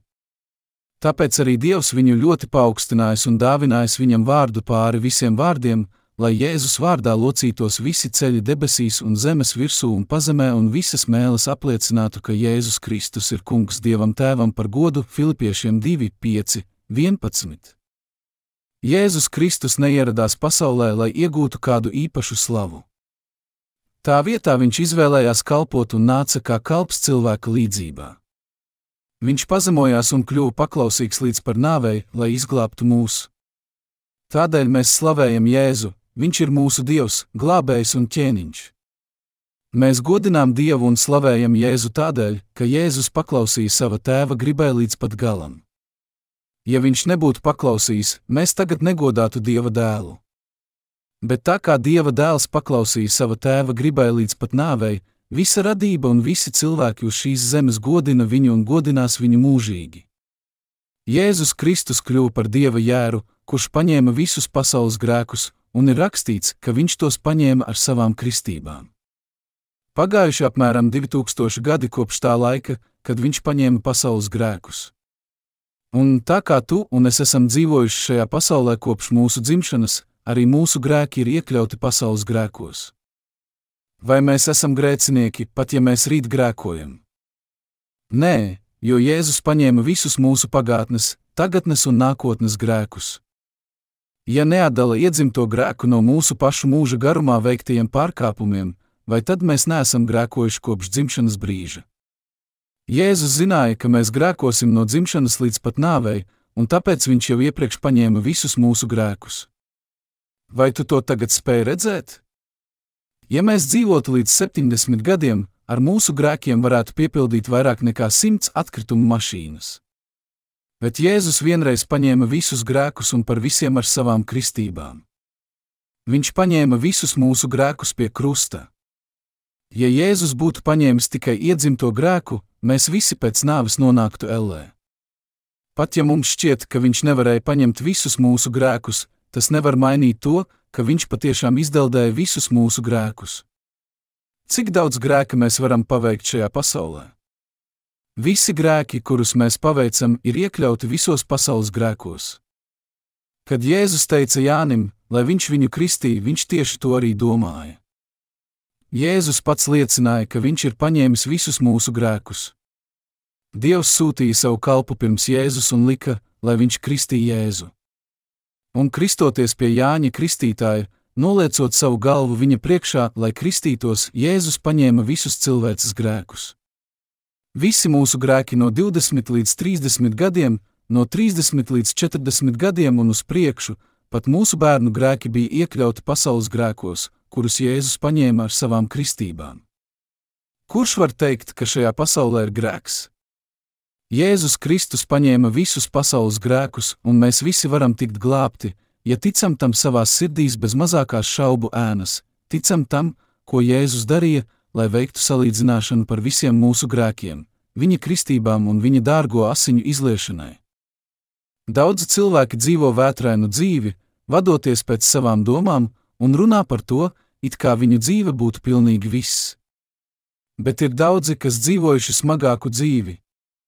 Daudzi cilvēki, ieskaitot mani, dzīvojuši vētrainu dzīvi. Kā jūs varat nesaprast vai nepieņemt grēku atlaišanas evaņģēliju, Jēzus Kristību un viņa asiņu evaņģēliju? Grēcinieku glābšana ir pabeigta. Kādēļ Jēzus mazgāja Pētera kājas? Tādēļ, ka viņš vēlējās, lai Pēters stingri ticētu tam, ka viņš jau ir nomazgājis visus viņa nākotnes grēkus ar savām kristībām. Lasīsim Jāņa 19 un viņš savu krustu nesdams gāja uz vietu, ko sauc par pieras vietu, ebrejiski Golgatu. Tur tie viņu sita krustā un kopā ar viņu divus citus, katrā pusē vienu, bet vidū jēzu. Bet Pilārs lika taisīt uzrakstu un piestiprināt to pie krusta, tur bija rakstīts: Jēzus Nacerietis, Jūdu ķēniņš. Šo uzrakstu lasīja daudzi jūdi, jo vieta, kur Jēzus bija krustā sists, bija tuvu pie pilsētas, un rakstīts bija ebreju, romiešu un grieķu valodā Jāņa 19, 17, 20. Dārgie draugi, Jēzus Kristus uzņēmās visus pasaules grēkus un Pilāta tiesā tika notiesāts uz krustā sišanu. Tagad padomāsim par šo notikumu. No 28. panta, pēc tam zinādams, ka viss ir pabeigts un lai piepildītu rakstus līdz galam, Jēzus paņēma visus mūsu grēkus, lai piepildītu rakstus. Jēzus sacīja: Man slāpst! Tur stāvēja trauks ar etiķi, tie uzsprauda sūkli ar etiķi uz īzapa stiebra un to pacēla pie viņa mutes. Etiķi ņēmis, Jēzus sacīja: Viss piepildīts! Un galvu nokāris atdeva garu dievam Jāņa 19, 28, 30. Pēc trim dienām viņš augšām cēlās no mirušajiem un uzkāpa debesīs. Jēzus Kristības pie Jāņa Kristītāja un viņa krusts ir savstarpēji saistīti, vienam nav jēgas bez otra. Tādēļ slavēsim kungu Jēzu par to, ka viņš mūs izglābis ar savu izpirkuma evaņģēliju. Cilvēka miesa vienmēr seko miesas iegribām, un mums neatliek nekas cits, kā vien grēkot ar savu miesu. Jēzus Kristus deva mums savas kristības un savas asinis, lai izglābtu mūs no miesas grēkiem. Viņš izglāba mūs no mūsu pašu miesas grēkiem ar savu evaņģēliju. Tie, kuriem ir pilnīga grēku atlaišana, katrā laikā var ieiet debesu valstībā, ticot Jēzum, kurš dzima Betlēmē, kristījās Jordānā, mira pie krusta un augšām cēlās pēc trīs dienām. Tādēļ mēs slavējam to kungu un godinām viņa vārdu mūžīgi. Pēdējā Jāņa evaņģēlīja nodaļā Jēzus devās uz Galileju pēc augšām celšanās no mirušajiem. Viņš pienāca pie Pētera un teica viņam: Sīmani, Jāņa dēls, vai tu mani mīli vairāk nekā šie? Un Pēters atbildēja viņam, sakot: Tiešām, kungs, tu zini, ka es tevi mīlu. Tad Jēzus viņam teica: Gani manus jērus. Pēteris saprata visu, Jēzus kristību un viņa asiņu evaņģēliju, grēku atlaišanas evaņģēliju. Tagad, kad viņš ticēja ūdens un asiņu evaņģēlijam un saprata, kāpēc Jēzus mazgāja viņa kājas, viņa ticība Jēzum kļuva daudz stiprāka. Izlasīsim vēlreiz Jāņa 21.15. Kad viņi azaidu bija turējuši, Jēzus saka Sīmanim Pēterim: Sīmani, Jāņa dēls, vai tu mani mīli vairāk nekā šie? Tas viņam saka: Tiešām, kungs, tu zini, ka es tevi mīlu. Viņš saka tam: Gani manus jērus. Viņš varēja uzticēt savus jērus Pēterim, jo Pēters bija viņa māceklis, Pēters bija pilnībā glābts un Pēters bija kļuvis par taisnīgu un pilnīgu dieva kalpu. Ja Pēters būtu atkal kļuvis grēcinieks savu ikdienas grēku dēļ, Jēzus viņam neteiktu, lai viņš sludina grēku salīdzināšanas evaņģēliju, jo viņš, gluži kā pārējie mācekļi, nespētu negrēkot miesā katru dienu. Bet Jēzus lika viņiem sludināt evaņģēliju, kas izdeldēja visus viņu grēkus, jo viņi ticēja Jēzus kristībām un viņa asinīm pie krusta, grēku salīdzināšanas evaņģēliem. Kungs, tu zini, ka es tevi mīlu. Vai tu atkal kļūsti par grēcinieku, tad, kad atkal grēko? Nē, Jēzus jau paņēma visus tavus nākotnes grēkus Jordānā. Padomāsim par Jēzus vārdiem Pēterim. Sīmani, Jāņa dēls, vai tu mani mīli vairāk nekā šie? Tiešām, kungs, tu zini, ka es tevi mīlu. Viņa atzīšanās mīlestībā bija patiesa un radās no ticības grēku salīdzināšanas evaņģēliem. Ja Jēzus nebūtu mācījis Pēterim un pārējiem mācekļiem grēku atlaišanas evaņģēliju, mazgādams viņu kājas, viņi nespētu tā apliecināt savu mīlestību. Tā vietā, tad, kad Jēzus jautātu, vai tu mani mīli vairāk nekā šie? Pēteris atbildētu: Kungs, es esmu nepilnīgs grēcinieks. Es esmu grēcinieks, kurš nevar mīlēt tevi vairāk kā šie. Lūdzu, ej prom! Un Pēteris aizbēgtu un paslēptos no Jēzus. Bet padomāsim par Pētera atbildēm. Viņš bija svētīts ar grēku atlaišanas evaņģēliju, ar Jēzus kristību un viņa asiņu evaņģēliju, kas glāba visu cilvēci.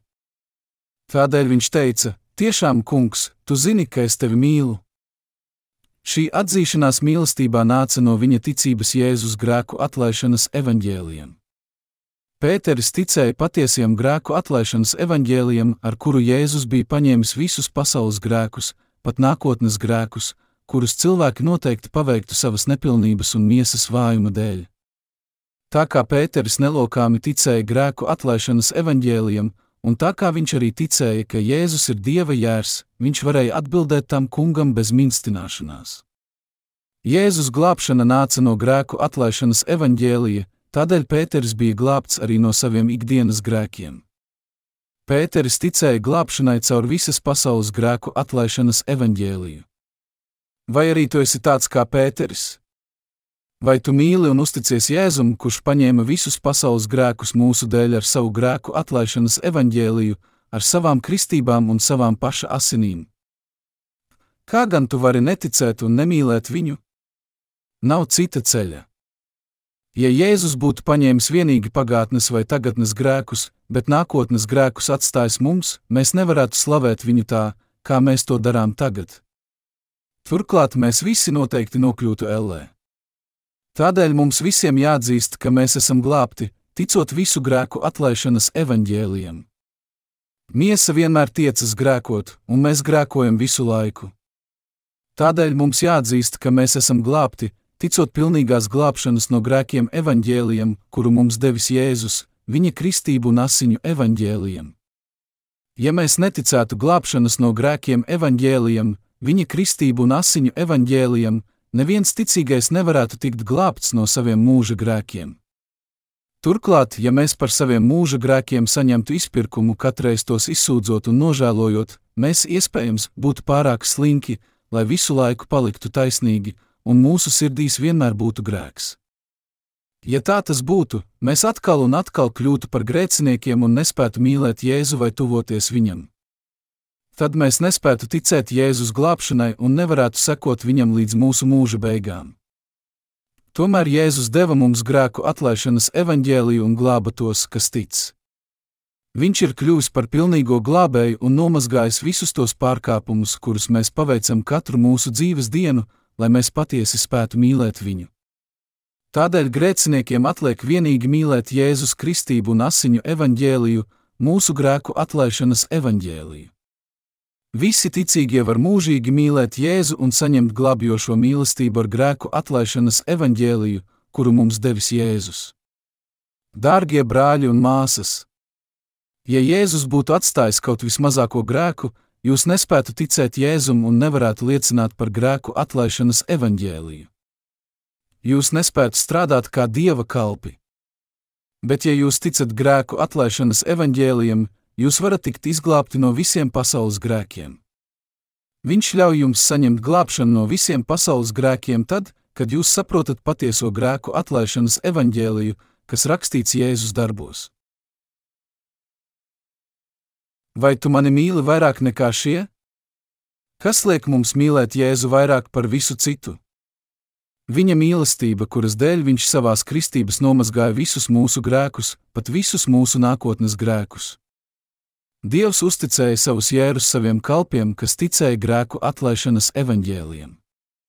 Jēzus trīsreiz jautāja: Sīmani, Jāņa dēls, vai tu mani mīli vairāk nekā šie? Un Pēters katreiz atbildēja: Tiešām, kungs, tu zini, ka es tevi mīlu. Tagad padomāsim par Pētera atbildēm. Mēs varam redzēt, ka viņš neizrādīja savu gribu, bet gan savu ticību visu pasaules grēku izpirkšanas evaņģēliem. Ja mēs kādu mīlam, un ja šī mīlestība nāk no mūsu gribas, tad tā var mazināties, kad mēs kļūstam vāji. Bet ja šī mīlestība būtu atkarīga no viņa mīlestības spēka, tad tā turpinātos mūžīgi. Dieva mīlestība, tas ir pilnīgā glābšana no mūsu grēkiem, Jēzus Kristība, ūdens un gara glābšana, ir tieši tāda. Mūsu ticībai pasaules grēku atlaišanas evaņģēlijam jākļūst tam pamatam mūsu darbiem, tam kungam un mūsu mīlestībai pret viņu. Ja mēs mīlētu viņu pamatojoties tikai uz mūsu pašu gribu, mēs rītdien pakluptu un galu galā nīstu paši sevi savu pārkāpumu dēļ. Tomēr Jēzus nomazgāja visus mūsu grēkus, iedzimto grēku, mūsu pagātnes ikdienas grēkus, rītdienas grēkus un visus mūsu mūža grēkus. Viņš nevienu uz šīs pasaules nav atstājis ārpus savas glābšanas. Tas viss tā ir. Ja mūsu mīlestība un ticība būtu atkarīga no mūsu pašu gribas, mēs nespētu mīlēt. Bet tā kā mūsu mīlestība un ticība atkarīga no grēku atlaišanas evaņģēlīja, kuru mums devis Jēzus, tad mēs jau esam Dieva bērni, taisnīgie. Tāpēc, ka mēs ticam ūdens un gara glābšanai, mēs esam bez grēka. Tā kā mūsu glābšana nenāca no mūsu ticības mums pašiem, bet gan no Dieva mīlestības, viņa patiesās glābšanas likuma un mūsu grēku izpirkuma, mēs esam taisnīgi, lai arī cik vāji un nepilnīgi būtu patiesībā. Mēs nokļūsim debesu valstībā un beidzot slavēsim Dievu mūžīgi. Vai tu tam tici? Jēzus teica: Ne tu mani esi mīlējis, bet es tevi esmu mīlējis. Tajā ir mīlestība, ka ne tu mani esi mīlējis, bet es tevi esmu mīlējis. Jēzus izglāba mūs ar ūdeni un ar garu, tādēļ mums jātic grēku atlaišanas evaņģēliem, Jēzus kristību un viņa asiņu evaņģēliem. Ja Dievs nebūtu mūs glābis ar grēku atlaišanas evaņģēliju, mēs nevarētu tikt glābti, lai cik dedzīgi mēs arī neticētu. Bet Jēzus nomazgāja visus grēkus, kurus mēs paveicam savā sirdīs un ar savu miesu. Lai mēs ticētu Dievam un kļūtu taisnīgi, mums jābūt pārliecinātiem par savu glābšanu, ticot ūdens un gara vārdiem, grēku atlaišanas evaņģēlijam. Visu pasaules grēku atlaišanas evaņģēlijs nozīmē ticēt Jēzus kristībām un viņa asinīm. Grēku atlaišanas evaņģēlijs ir patiesa ticība, patiesa glābšanas pamats, Dieva evaņģēlīja atslēga. Mums jāatmet mūsu pašu gribas ticība. No kurienes nāk patiesa ticība? Tā nāk no tā kunga mīlestības, kas jau ir nomazgājusi visus mūsu nākotnes grēkus. Ticība vai mīlestība, kas nāk no mūsu pašu gribas, nav ne patiesa mīlestība, ne patiesa ticība. Šajā pasaulē ir daudz tādu, kas vispirms tic Jēzum ar labu gribu, bet pēc tam pilnībā atmet savu ticību, jo viņu sirdīs ir grēks. Bet mums ir jāzina, ka Jēzus nomazgāja visus pasaules grēkus, ne tikai nenozīmīgus pārkāpumus, bet arī lielos grēkus, kas tiek paveikti neizpratnes dēļ. Un Jāņa 13, lai parādītu saviem mācekļiem, cik visaptveroša ir viņa glābšana, Jēzus pirms savas krustā sišanas sapulcēja visus savus mācekļus. Pirms viņš sēdās pie mīlestības, viņš nomazgāja viņu kājas, lai parādītu viņa glābšanas jēgu. Mums visiem jāzina un jātic grēku atlaišanas evaņģēlijam, kuru Jēzus mācīja saviem mācekļiem, mazgādams viņu kājas. Bet sākumā Pēters neļāva Jēzum mazgāt savas kājas. Nemūžam tu man nemazgāsi kājas. Tā viņš izpauda paša gribas radīto ticību. Bet Jēzus viņam atbildēja: Ko es daru, to tu tagad nezini, bet pēc tu to sapratīsi. Tagad ar ūdens un gara evaņģēliju mēs varam saprast Jēzus vārdus. Tie ir patiesības vārdi, ūdens un gara evaņģēlijas, grēku piedošana, kas ļauj grēciniekam kļūt taisnīgam, ticot ar visu savu sirdi. Pēteris ar mācekļiem devās zvejot. Viņi zvejoja, kā viņi bija zvejojuši pirms tikšanās ar Jēzu. Tad viņiem parādījās Jēzus un sauca viņus. Jēzus viņiem bija pagatavojis brokastis, un ēdot brokastis, Pēters saprata Jēzus iepriekš teikto vārdu nozīmi. Ko es daru, to tu tagad nezini, bet pēc tu to sapratīsi. Viņš beidzot saprata, ko Jēzus domāja, mazgādams viņa kājas. Tas kungs ir nomazgājis visus manus grēkus. Visus grēkus, kurus es paveicu savu vājuma dēļ, ieskaitot visus grēkus, kurus es paveikšu nākotnē. Tādēļ Pēteris atmeta paša gribā balstīto ticību un sāka ticēt Jēzus kristībām un asinīm, grēku atlaišanas evaņģēliem. Pēc brokastīm Jēzus jautāja Pēterim: Vai tu mani mīli vairāk nekā šie? Tagad, spēcināts ar ticību Jēzus mīlestībai, Pēters atzina: Tiešām, kungs, tu zini, ka es tevi mīlu. Pēters to varēja teikt, jo viņš saprata, ko Jēzus bija domājis, kad viņš teica: Pēc tu to sapratīsi. Viņš varēja apliecināt savu patieso ticību, ticību Jēzus kristībām un asinīm, grēku atlaišanas evaņģēliem. Pēc tam viņš kļuva par patiesu dieva kalpu. Tādēļ pēc tam Pēters un pārējie mācekļi sludināja evaņģēliju līdz savu mūža beigām. Pat Pāvils, kurš agrāk nežēlīgi vajāja kristiešus, liecināja par evaņģēliju Romas impērijas smagajās dienās. Kā tu vari kļūt par patiesu dieva kalpu? Ticot viņa mūžīgajai salīdzināšanai par visiem taviem grēkiem. Starp 12 Jēzus mācekļiem Jūda bija tas, kurš pārdeva Jēzu un vēlāk pakārās. Viņa vietu ieņēma apustulis Pāvils. Paši mācekļi savā starpā bija izvēlējušies Mateju, bet Pāvilu izvēlējās Dievs, un Pāvils kļuva par Jēzus apustuli un sludināja grēku atlaišanas evaņģēlīju kopā ar pārējiem Jēzus mācekļiem. Lielākā daļa Jēzus mācekļu mira mocekļa nāvē. Pat tad, kad viņiem draudēja nāve, viņi turpināja sludināt evaņģēliju. Jēzus Kristus nomazgāja visus jūsu miesas grēkus ar savu kristību un asiņu evaņģēliju, savu grēku atlaišanas evaņģēliju. Jēzus paņēma jūsu grēkus ar savām kristībām Jordānā un saņēma sodu par jums pie krusta. Tici Jēzus kristību un viņa asiņu pie krusta evaņģēlijam, un tu tiksi glābts. Un tiešām daudzi tika glābti, jo dzirdēja evaņģēliju un ticēja tam. Tas bija spēks, kas nāca no ticības Jēzus Kristību, viņa asiņu un gara evaņģēliem. Apustuļi sludināja ūdens un gara evaņģēliju, Jēzus ir Dievs un glābējs. Tāpēc, ka viņi liecināja par ūdens un gara evaņģēliju, mēs tagad varam dzirdēt glābšanas, Jēzus Kristību un asiņu evaņģēliju un tikt glābti no grēka. Dieva nebeidzamās mīlestības un Jēzus pilnīgās glābšanas dēļ mēs visi esam kļuvuši par Jēzus mācekļiem. Vai jūs visi ticat? Jēzus mūs mīlēja tik ļoti, ka deva mums ūdens un gara evaņģēliju, grēku atlaišanas evaņģēliju, un tā mēs esam kļuvuši par Jēzus taisnīgiem mācekļiem. Lai iemācītu patieso grēku atlaišanas evaņģēliju, Jēzus mazgāja savu mācekļu kājas.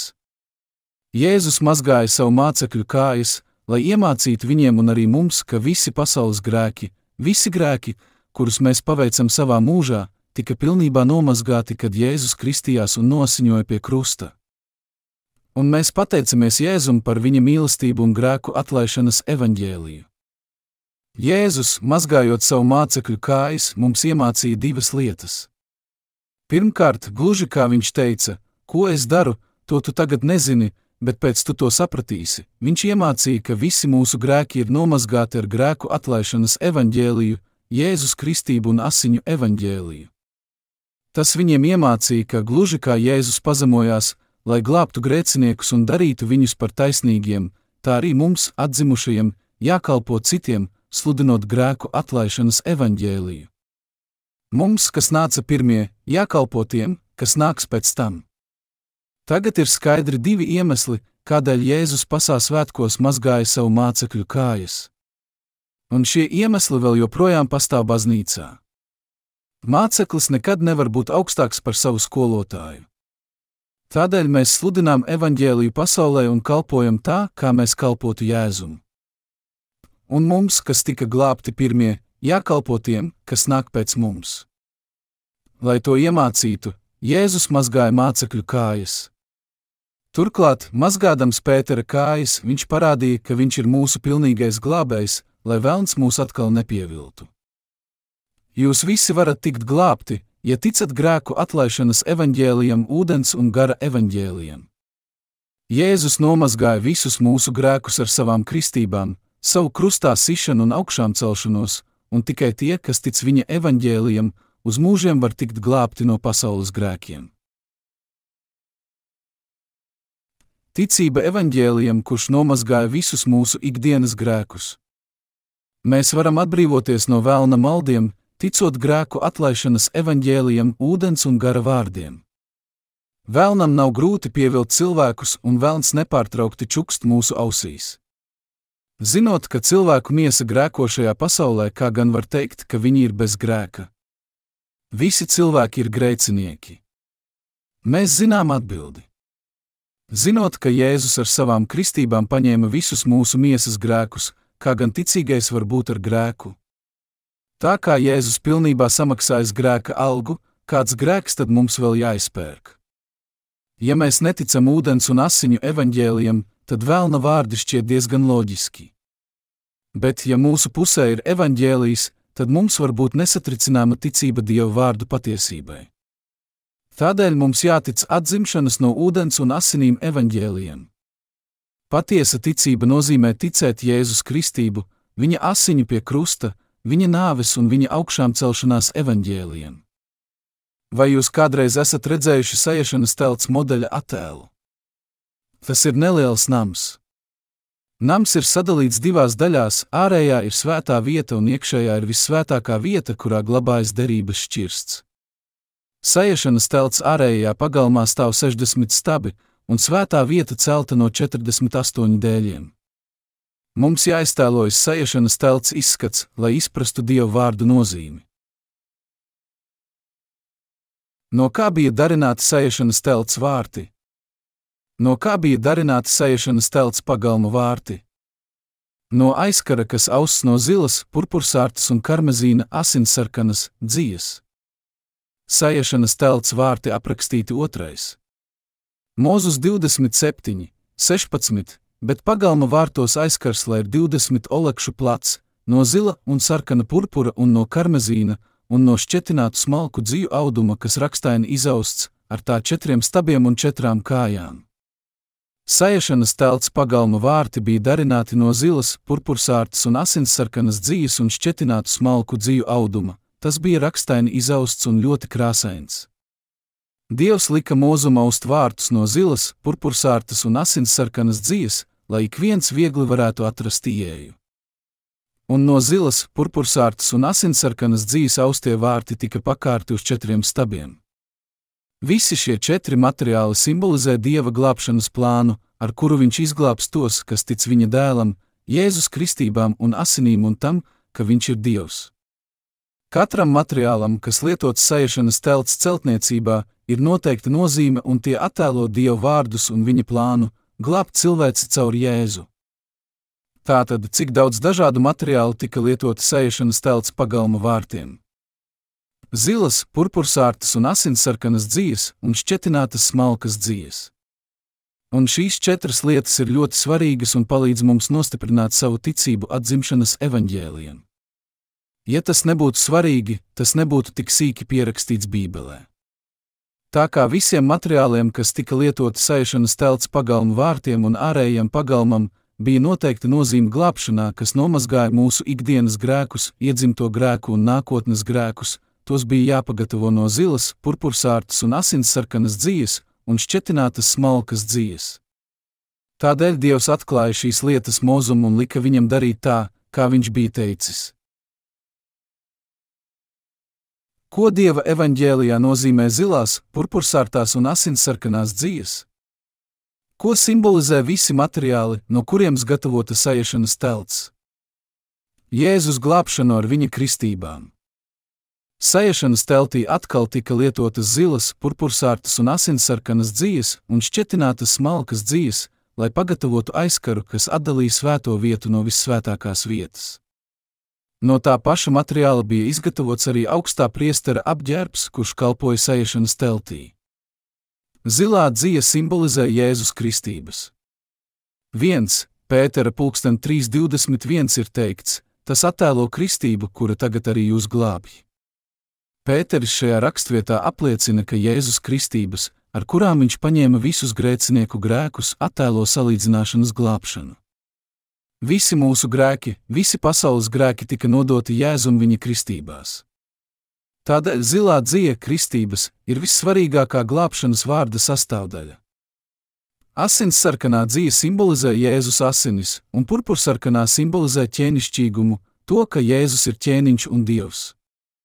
Tādēļ šīs trīs dzīves krāsas bija nepieciešamas mūsu ticībai Jēzum un viņa glābšanai. Greznās drēbes, kuras valkāja augstais priesteris, sauca par efodu, un viss efods bija zilā krāsā. Augstais priesteris vilka arī turbānu, kam bija piestiprināta tīra zelta plāksne, uz kuras bija rakstīts: Svēts tam kungam! Un plāksni pie turbāna piestiprināja ar zilu auklu. Patiesība, kuru attēlo zilā dzīve. Ko simbolizē zilā dzīve? Jēzus Kristības. Es Bībelē aplūkoju zilās dzīves nozīmi.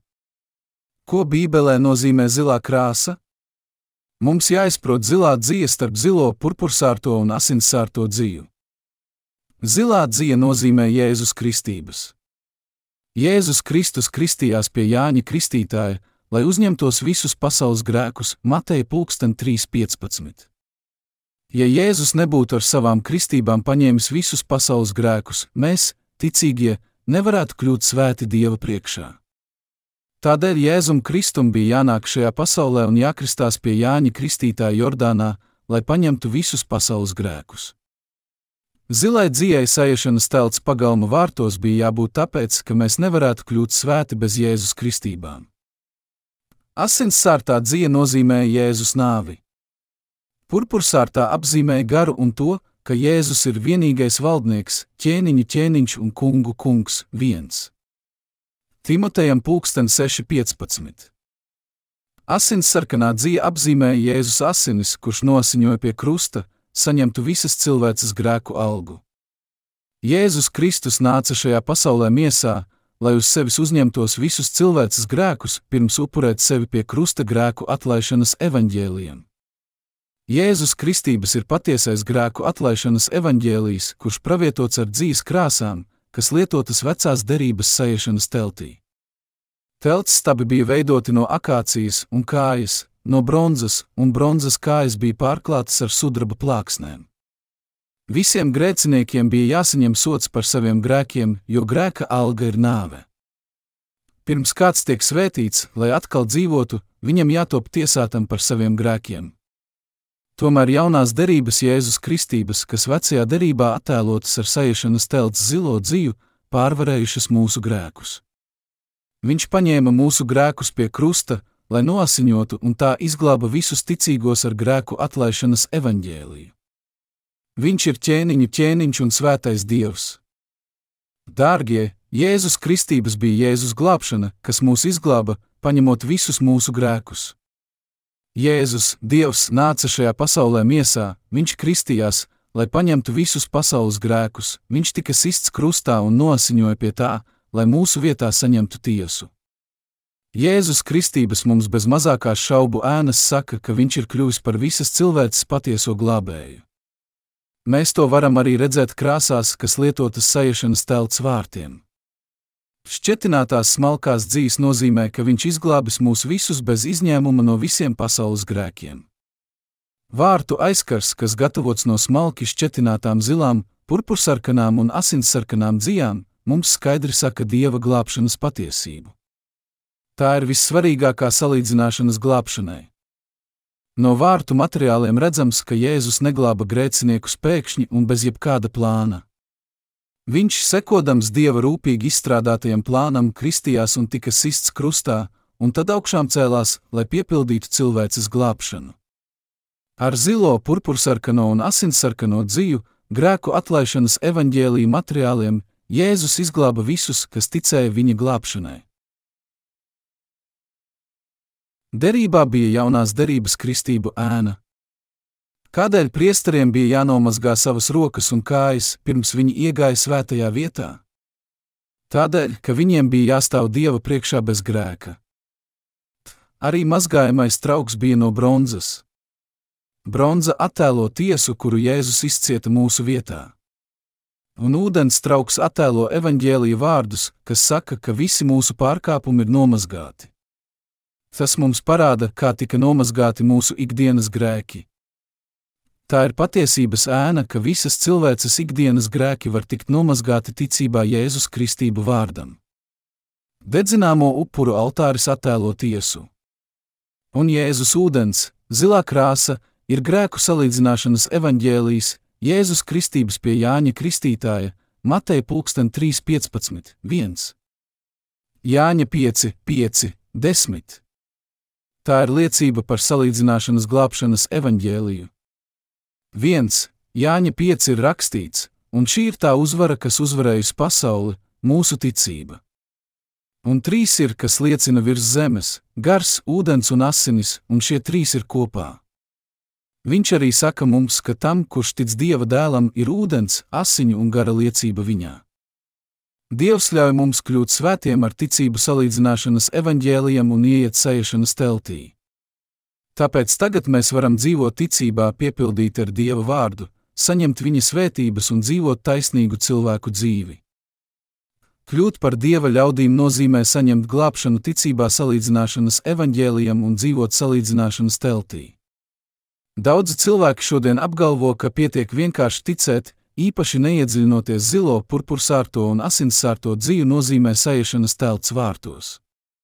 Ja kāds ticētu Jēzum, nezinot šīs lietas, tad viņa ticība nebūtu patiesa, jo viņa sirdī vēl joprojām būtu grēks. Cilvēka sirdī vēl joprojām būtu grēks, jo viņš netic patiesībai par atzimšanu caur salīdzināšanas evaņģēliju, ūdens, asiņu un gara evaņģēliju. Iedomāsimies, ka kādam palūgtu novērtēt cilvēku, kuru viņš gandrīz nepazīst, un, lai iztaptu klausītājam, viņš teiktu: Jā, es ticu šim cilvēkam. Es nekad neesmu viņu saticis, bet viens viņam ticu. Vai tev šķiet, ka klausītājs vēlētos to dzirdēt? Varbūt kādam no jums tas patiktu, tomēr Dievs no mums sagaida citādāku ticību. Dievs vēlas, lai mēs ticētu grēku atlaišanas evaņģēlijam, Jēzus glābšanai ar zilo kristībām, purpursārto ķēnišķīgumu un asinsarkano asinīm. Pirms mēs ticam Jēzum, mums visiem jāzina, kā Viņš izglābis mūs no grēka. Kad mēs ticam Jēzum, mums jāzina, kā Viņš izglābis mūs no visiem mūsu grēkiem ar ūdeni, Jēzus kristībām, asinīm, savu nāvi un garu Jēzus dievišķumu. Kad mēs to pilnībā izprotam, mēs varam piedzīvot patiesu ticību un saņemt pilnīgu ticību. Mūsu ticība nekad nebūtu pilnīga, ja mēs nezinātu šo patiesību. Patiesa ticība nāk tikai tad, kad mēs saprotam Jēzus glābšanas liecību, grēku atlaišanas evaņģēliju un to, ka Jēzus ir patiesais cilvēks glābējs, tad kāda būtu ticība, kas zaimo Jēzu? Aplūkosim to. Ticība, kas zaimo Jēzu. Kas ir visnepieciešamākais ticībai? Precīzas zināšanas par Jēzus kristībām. Jums jāzina, ka ticēt Jēzum pēc sava prāta nozīmē zaimot viņu. Ja tu domā, man ir grūti tam noticēt, bet tā kā viņš ir Dievs un tā kā viņš ir Dieva dēls, man būs tam jātic, tad tu zaimo Jēzu. Tev jātic Jēzus kristībām un asinīm salīdzināšanas evaņģēlijam. Ticēt Jēzum, nezinot salīdzināšanas evaņģēliju, ir sliktāk nekā neticēt viņam nemaz. Sludināt evaņģēliju, ticot vienīgi Jēzus asinīm, nozīmē strādāt bez jēgas, nezinot patiesību. Jēzus nevēlas, lai kāds sludinātu par ticību viņam pēc sava prāta vai ticētu viņam bez iemesla. Viņš vēlas, lai mēs ticētu viņam, zinot salīdzināšanas evaņģēliju. Kad mēs ticam Jēzum, mēs zinām, ka salīdzināšanas evaņģēlijs ir Jēzus kristības un asinis. Kad mēs ticam Jēzum, Mums jāizprot salīdzināšanas evaņģēlijas caur viņa vārdiem un skaidri jāzina, kā viņš nomazgāja visus mūsu grēkus. Mums arī jāzina, ko nozīmē zilā, purpursarkanā un asinsarkanā dzīves aiešanas telts vārtos. tad mēs varam iegūt patiesu ticību, kas pastāvēs mūžīgi.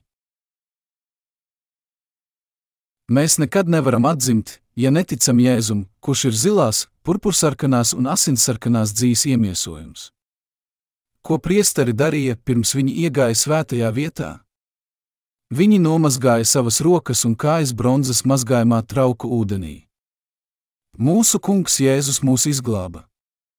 Mēs varam vienīgi pateikties tam kungam, kad redzam, cik pilnīgi viņš mūs ir izglābis.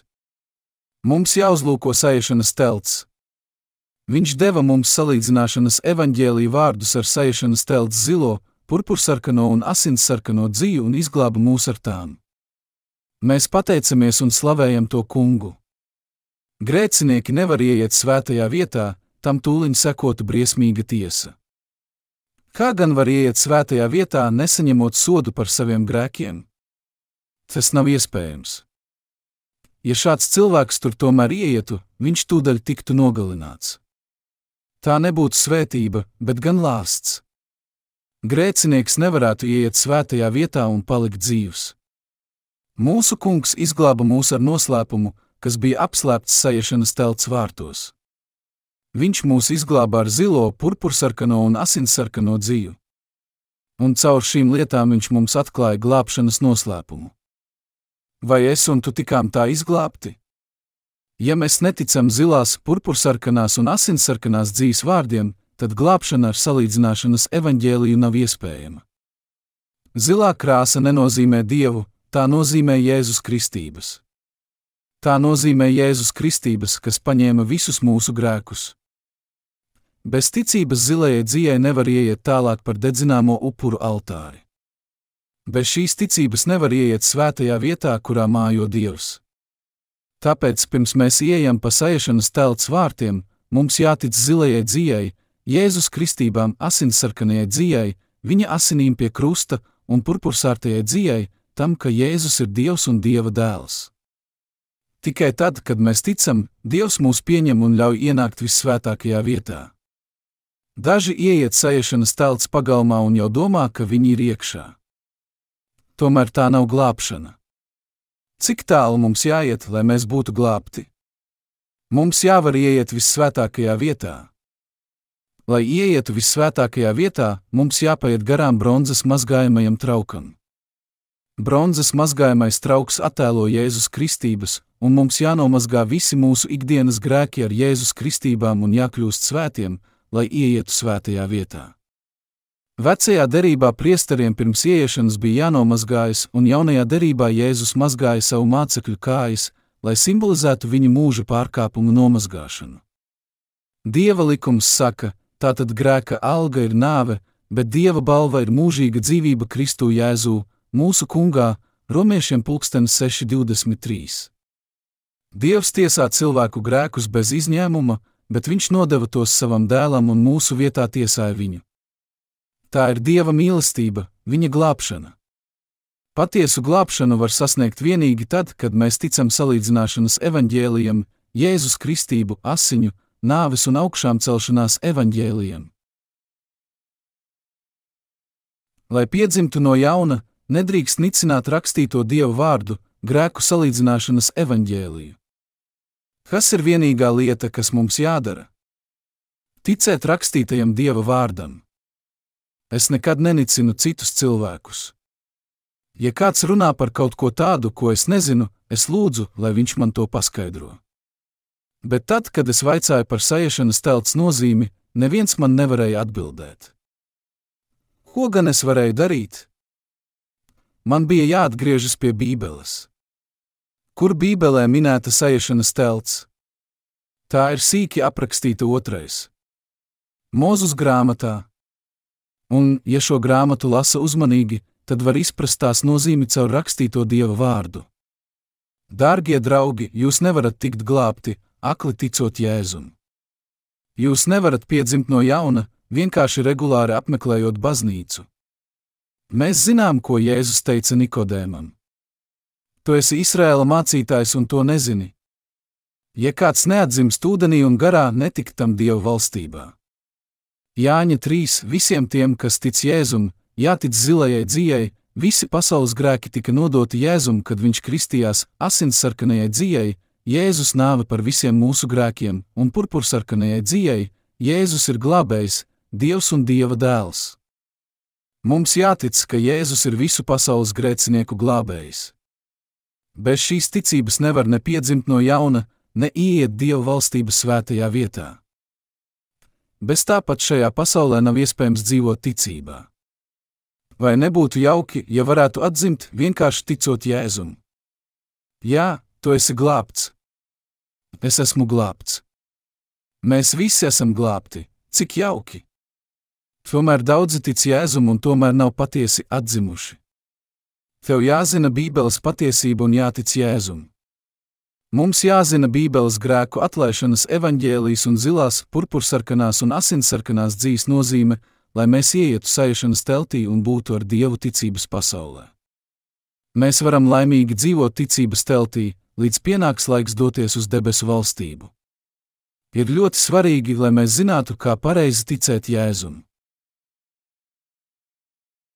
Patiesais evaņģēlijs dara svēto ar zilo dzīvi. Kas ir neatņemams glābšanas priekšnosacījums? Jēzus Kristības. Dažreiz kāds domā, ka viņš var dzīvot nevainojamu dzīvi un nekad nekļūdīties. Tomēr tad, kad viņš mēģina ko paveikt, viņš ātri atklās savus trūkumus. Cilvēki ir tik nepilnīgi, un viņš nevar negrēkot. Tomēr tāpēc, ka Jēzus izglāba mūs ar zilo, purpursarkano un asinsarkano dzīvu, mēs varam kļūt svēti un ieiet Dieva svētajā vietā. Ja Dievs mūs nebūtu izglābis ar zilo, purpursarkano un asinsarkano dzīvu, mēs paši nekad nevarētu ieiet svētajā vietā. Kāpēc tā? Ja varētu ieiet tikai tie, kas ar savu miesu dzīvojuši nevainojami, neviens tur netiktu. Ja kāds tic Jēzum bez evaņģēlija, viņš vienīgi vairo grēku savā sirdī. Jēzus izglāba mūs ar savu rūpīgi pārdomāto glābšanu, zilās, purpursarkanās un asinsarkanās dzīves glābšanu un smalki sašķitināto dzīvi. Viņš nomazgāja visus mūsu grēkus. Vai jūs tam ticat? Jā, vai jūsu sirdīs ir grēku izpirkšana, evaņģēlīja patiesība un vai jūs par to liecināt? Jā, Tikai tad, kad tu apliecini evaņģēliju, tu vari uz savas pieres iet plāksni ar uzrakstu Svēts tam kungam un kļūt par ķēnišķīgo priesteri viens. Pētera 2, 9. Tikai tad tu vari stāvēt cilvēku priekšā un teikt viņiem, ka tu esi dieva kalps, kas pilda augstā priestera amatu. Uz augstā priestera turbāna ir zelta plāksne, kas piesieta ar zilu auklu. Kāpēc zilu? Tādēļ, ka Jēzus izglāba mūs ar grēku izpirkšanu evaņģēliju, tāpēc, ka Viņš paņēma visus mūsu grēkus un padarīja mūs bezgrēcīgus ar savām kristībām, roku uzlikšanu vecajā derībā, kristībām jaunajā derībā.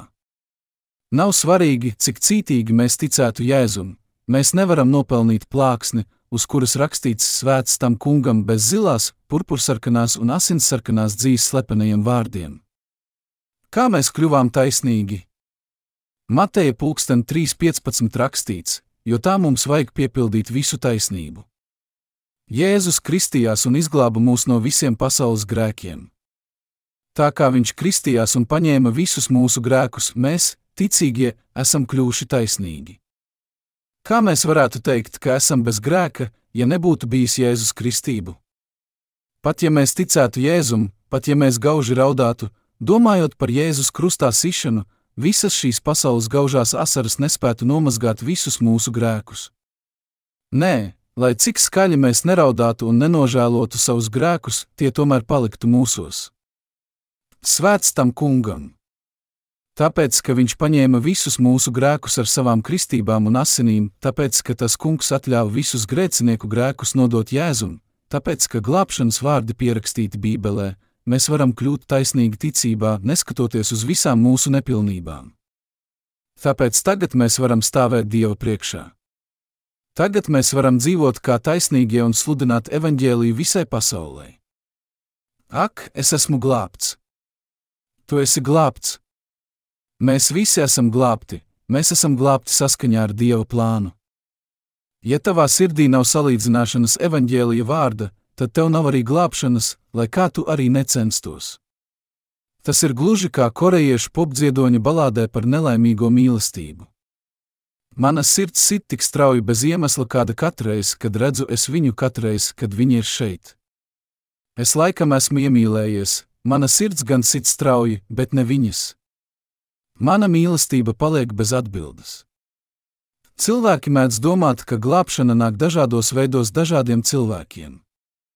Viņi jautā, kāpēc, nu kāpēc gan lai tā nāktu tikai caur kristību evaņģēliju? Ja tā nenāk caur Jēzus kristību evaņģēliju, tad tā nav pilnīga ticība. Tas ir vienīgais veids, kādā mēs varam kļūt taisnīgi Dieva priekšā, jo tas ir vienīgais veids, kā mēs varam pilnībā attīrīties no visiem saviem grēkiem. Kas ir Jēzus sniegtā zilās dzīves glābšana? Kas padarīs mūs taisnīgus? Zilās, purpursarkanās un asinsarkanās dzīves evaņģēlijas. Glābšana caur zilo, purpursarkano un asinsarkano dzīvi ir dieva dāvana visai cilvēcei. Šī dāvana mums ļauj ieiet svētajā teltī un dzīvot mierā. Tā padarījusi mūs taisnīgus. Tā padarījusi mūs taisnīgus un ļauj mums dzīvot baznīcā, apgūt svētos vārdus baznīcā. Katreiz, kad mēs nākam Dieva priekšā, lai lūgtu, evaņģēlijas svētī mūs ar viņa mīlestību. Tādēļ glābšana mums ir tik dārga. Jēzus liek mums būvēt namu uz klints. Klints ir Jēzus kristības. Mums visiem jātop glābtiem, jādzīvo ar glābšanu, jādodas uz debesīm, jāiegūst mūžīgā dzīvība un jākļūst par dieva bērniem. Dārgie draugi, salīdzināšanas evaņģēlī dēļ mēs ar ticību varam ieiet svētajā teltī. Visu mūsu grēku nomazgāšanas, Jēzus Kristību un tiesas pie krusta dēļ mēs esam izglābti, ticot Jēzus Kristību evaņģēlijam. Pilnīgā salīdzināšana par visiem mūsu grēkiem, Jēzus Kristības un asinis ir tas evaņģēlijs, kurš nomazgāja visus mūsu grēkus. Vai tu tam tici? Patiesais evaņģēlijs ir debesu salīdzināšanas evaņģēlijs, kurš pilnībā nomazgāja visus mūsu grēkus. Mēs esam atzimuši, ticot salīdzināšanas evaņģēlijam. Jēzus devis mums salīdzināšanas evaņģēliju, kurš pilnībā nomazgājis visus mūsu ikdienas grēkus. Slava tam kungam! Aleluja! Paldies tam kungam! Ūdens un gara evaņģēlijs, ūdens un asiņu evaņģēlijs ir patiesais Jēzus Kristus vēstītais evaņģēlijs. Šī grāmata tika sarakstīta, lai atklātu Jēzus evaņģēliju, ūdens un gara evaņģēliju. Tā kā daudzi cilvēki tic Jēzum, nezinot visu patiesību, viņi spēja darboties tikai kristīgās teoloģijas pasaulē, tā sauktajā filozofiskās teoloģijas pasaulē, īsāk sakot, viņi dzīvo ķecerībās un neziņā. Tādēļ mums visiem jāatgriežas un jātic patiesiem evaņģēliem. Vēl nav par vēlu.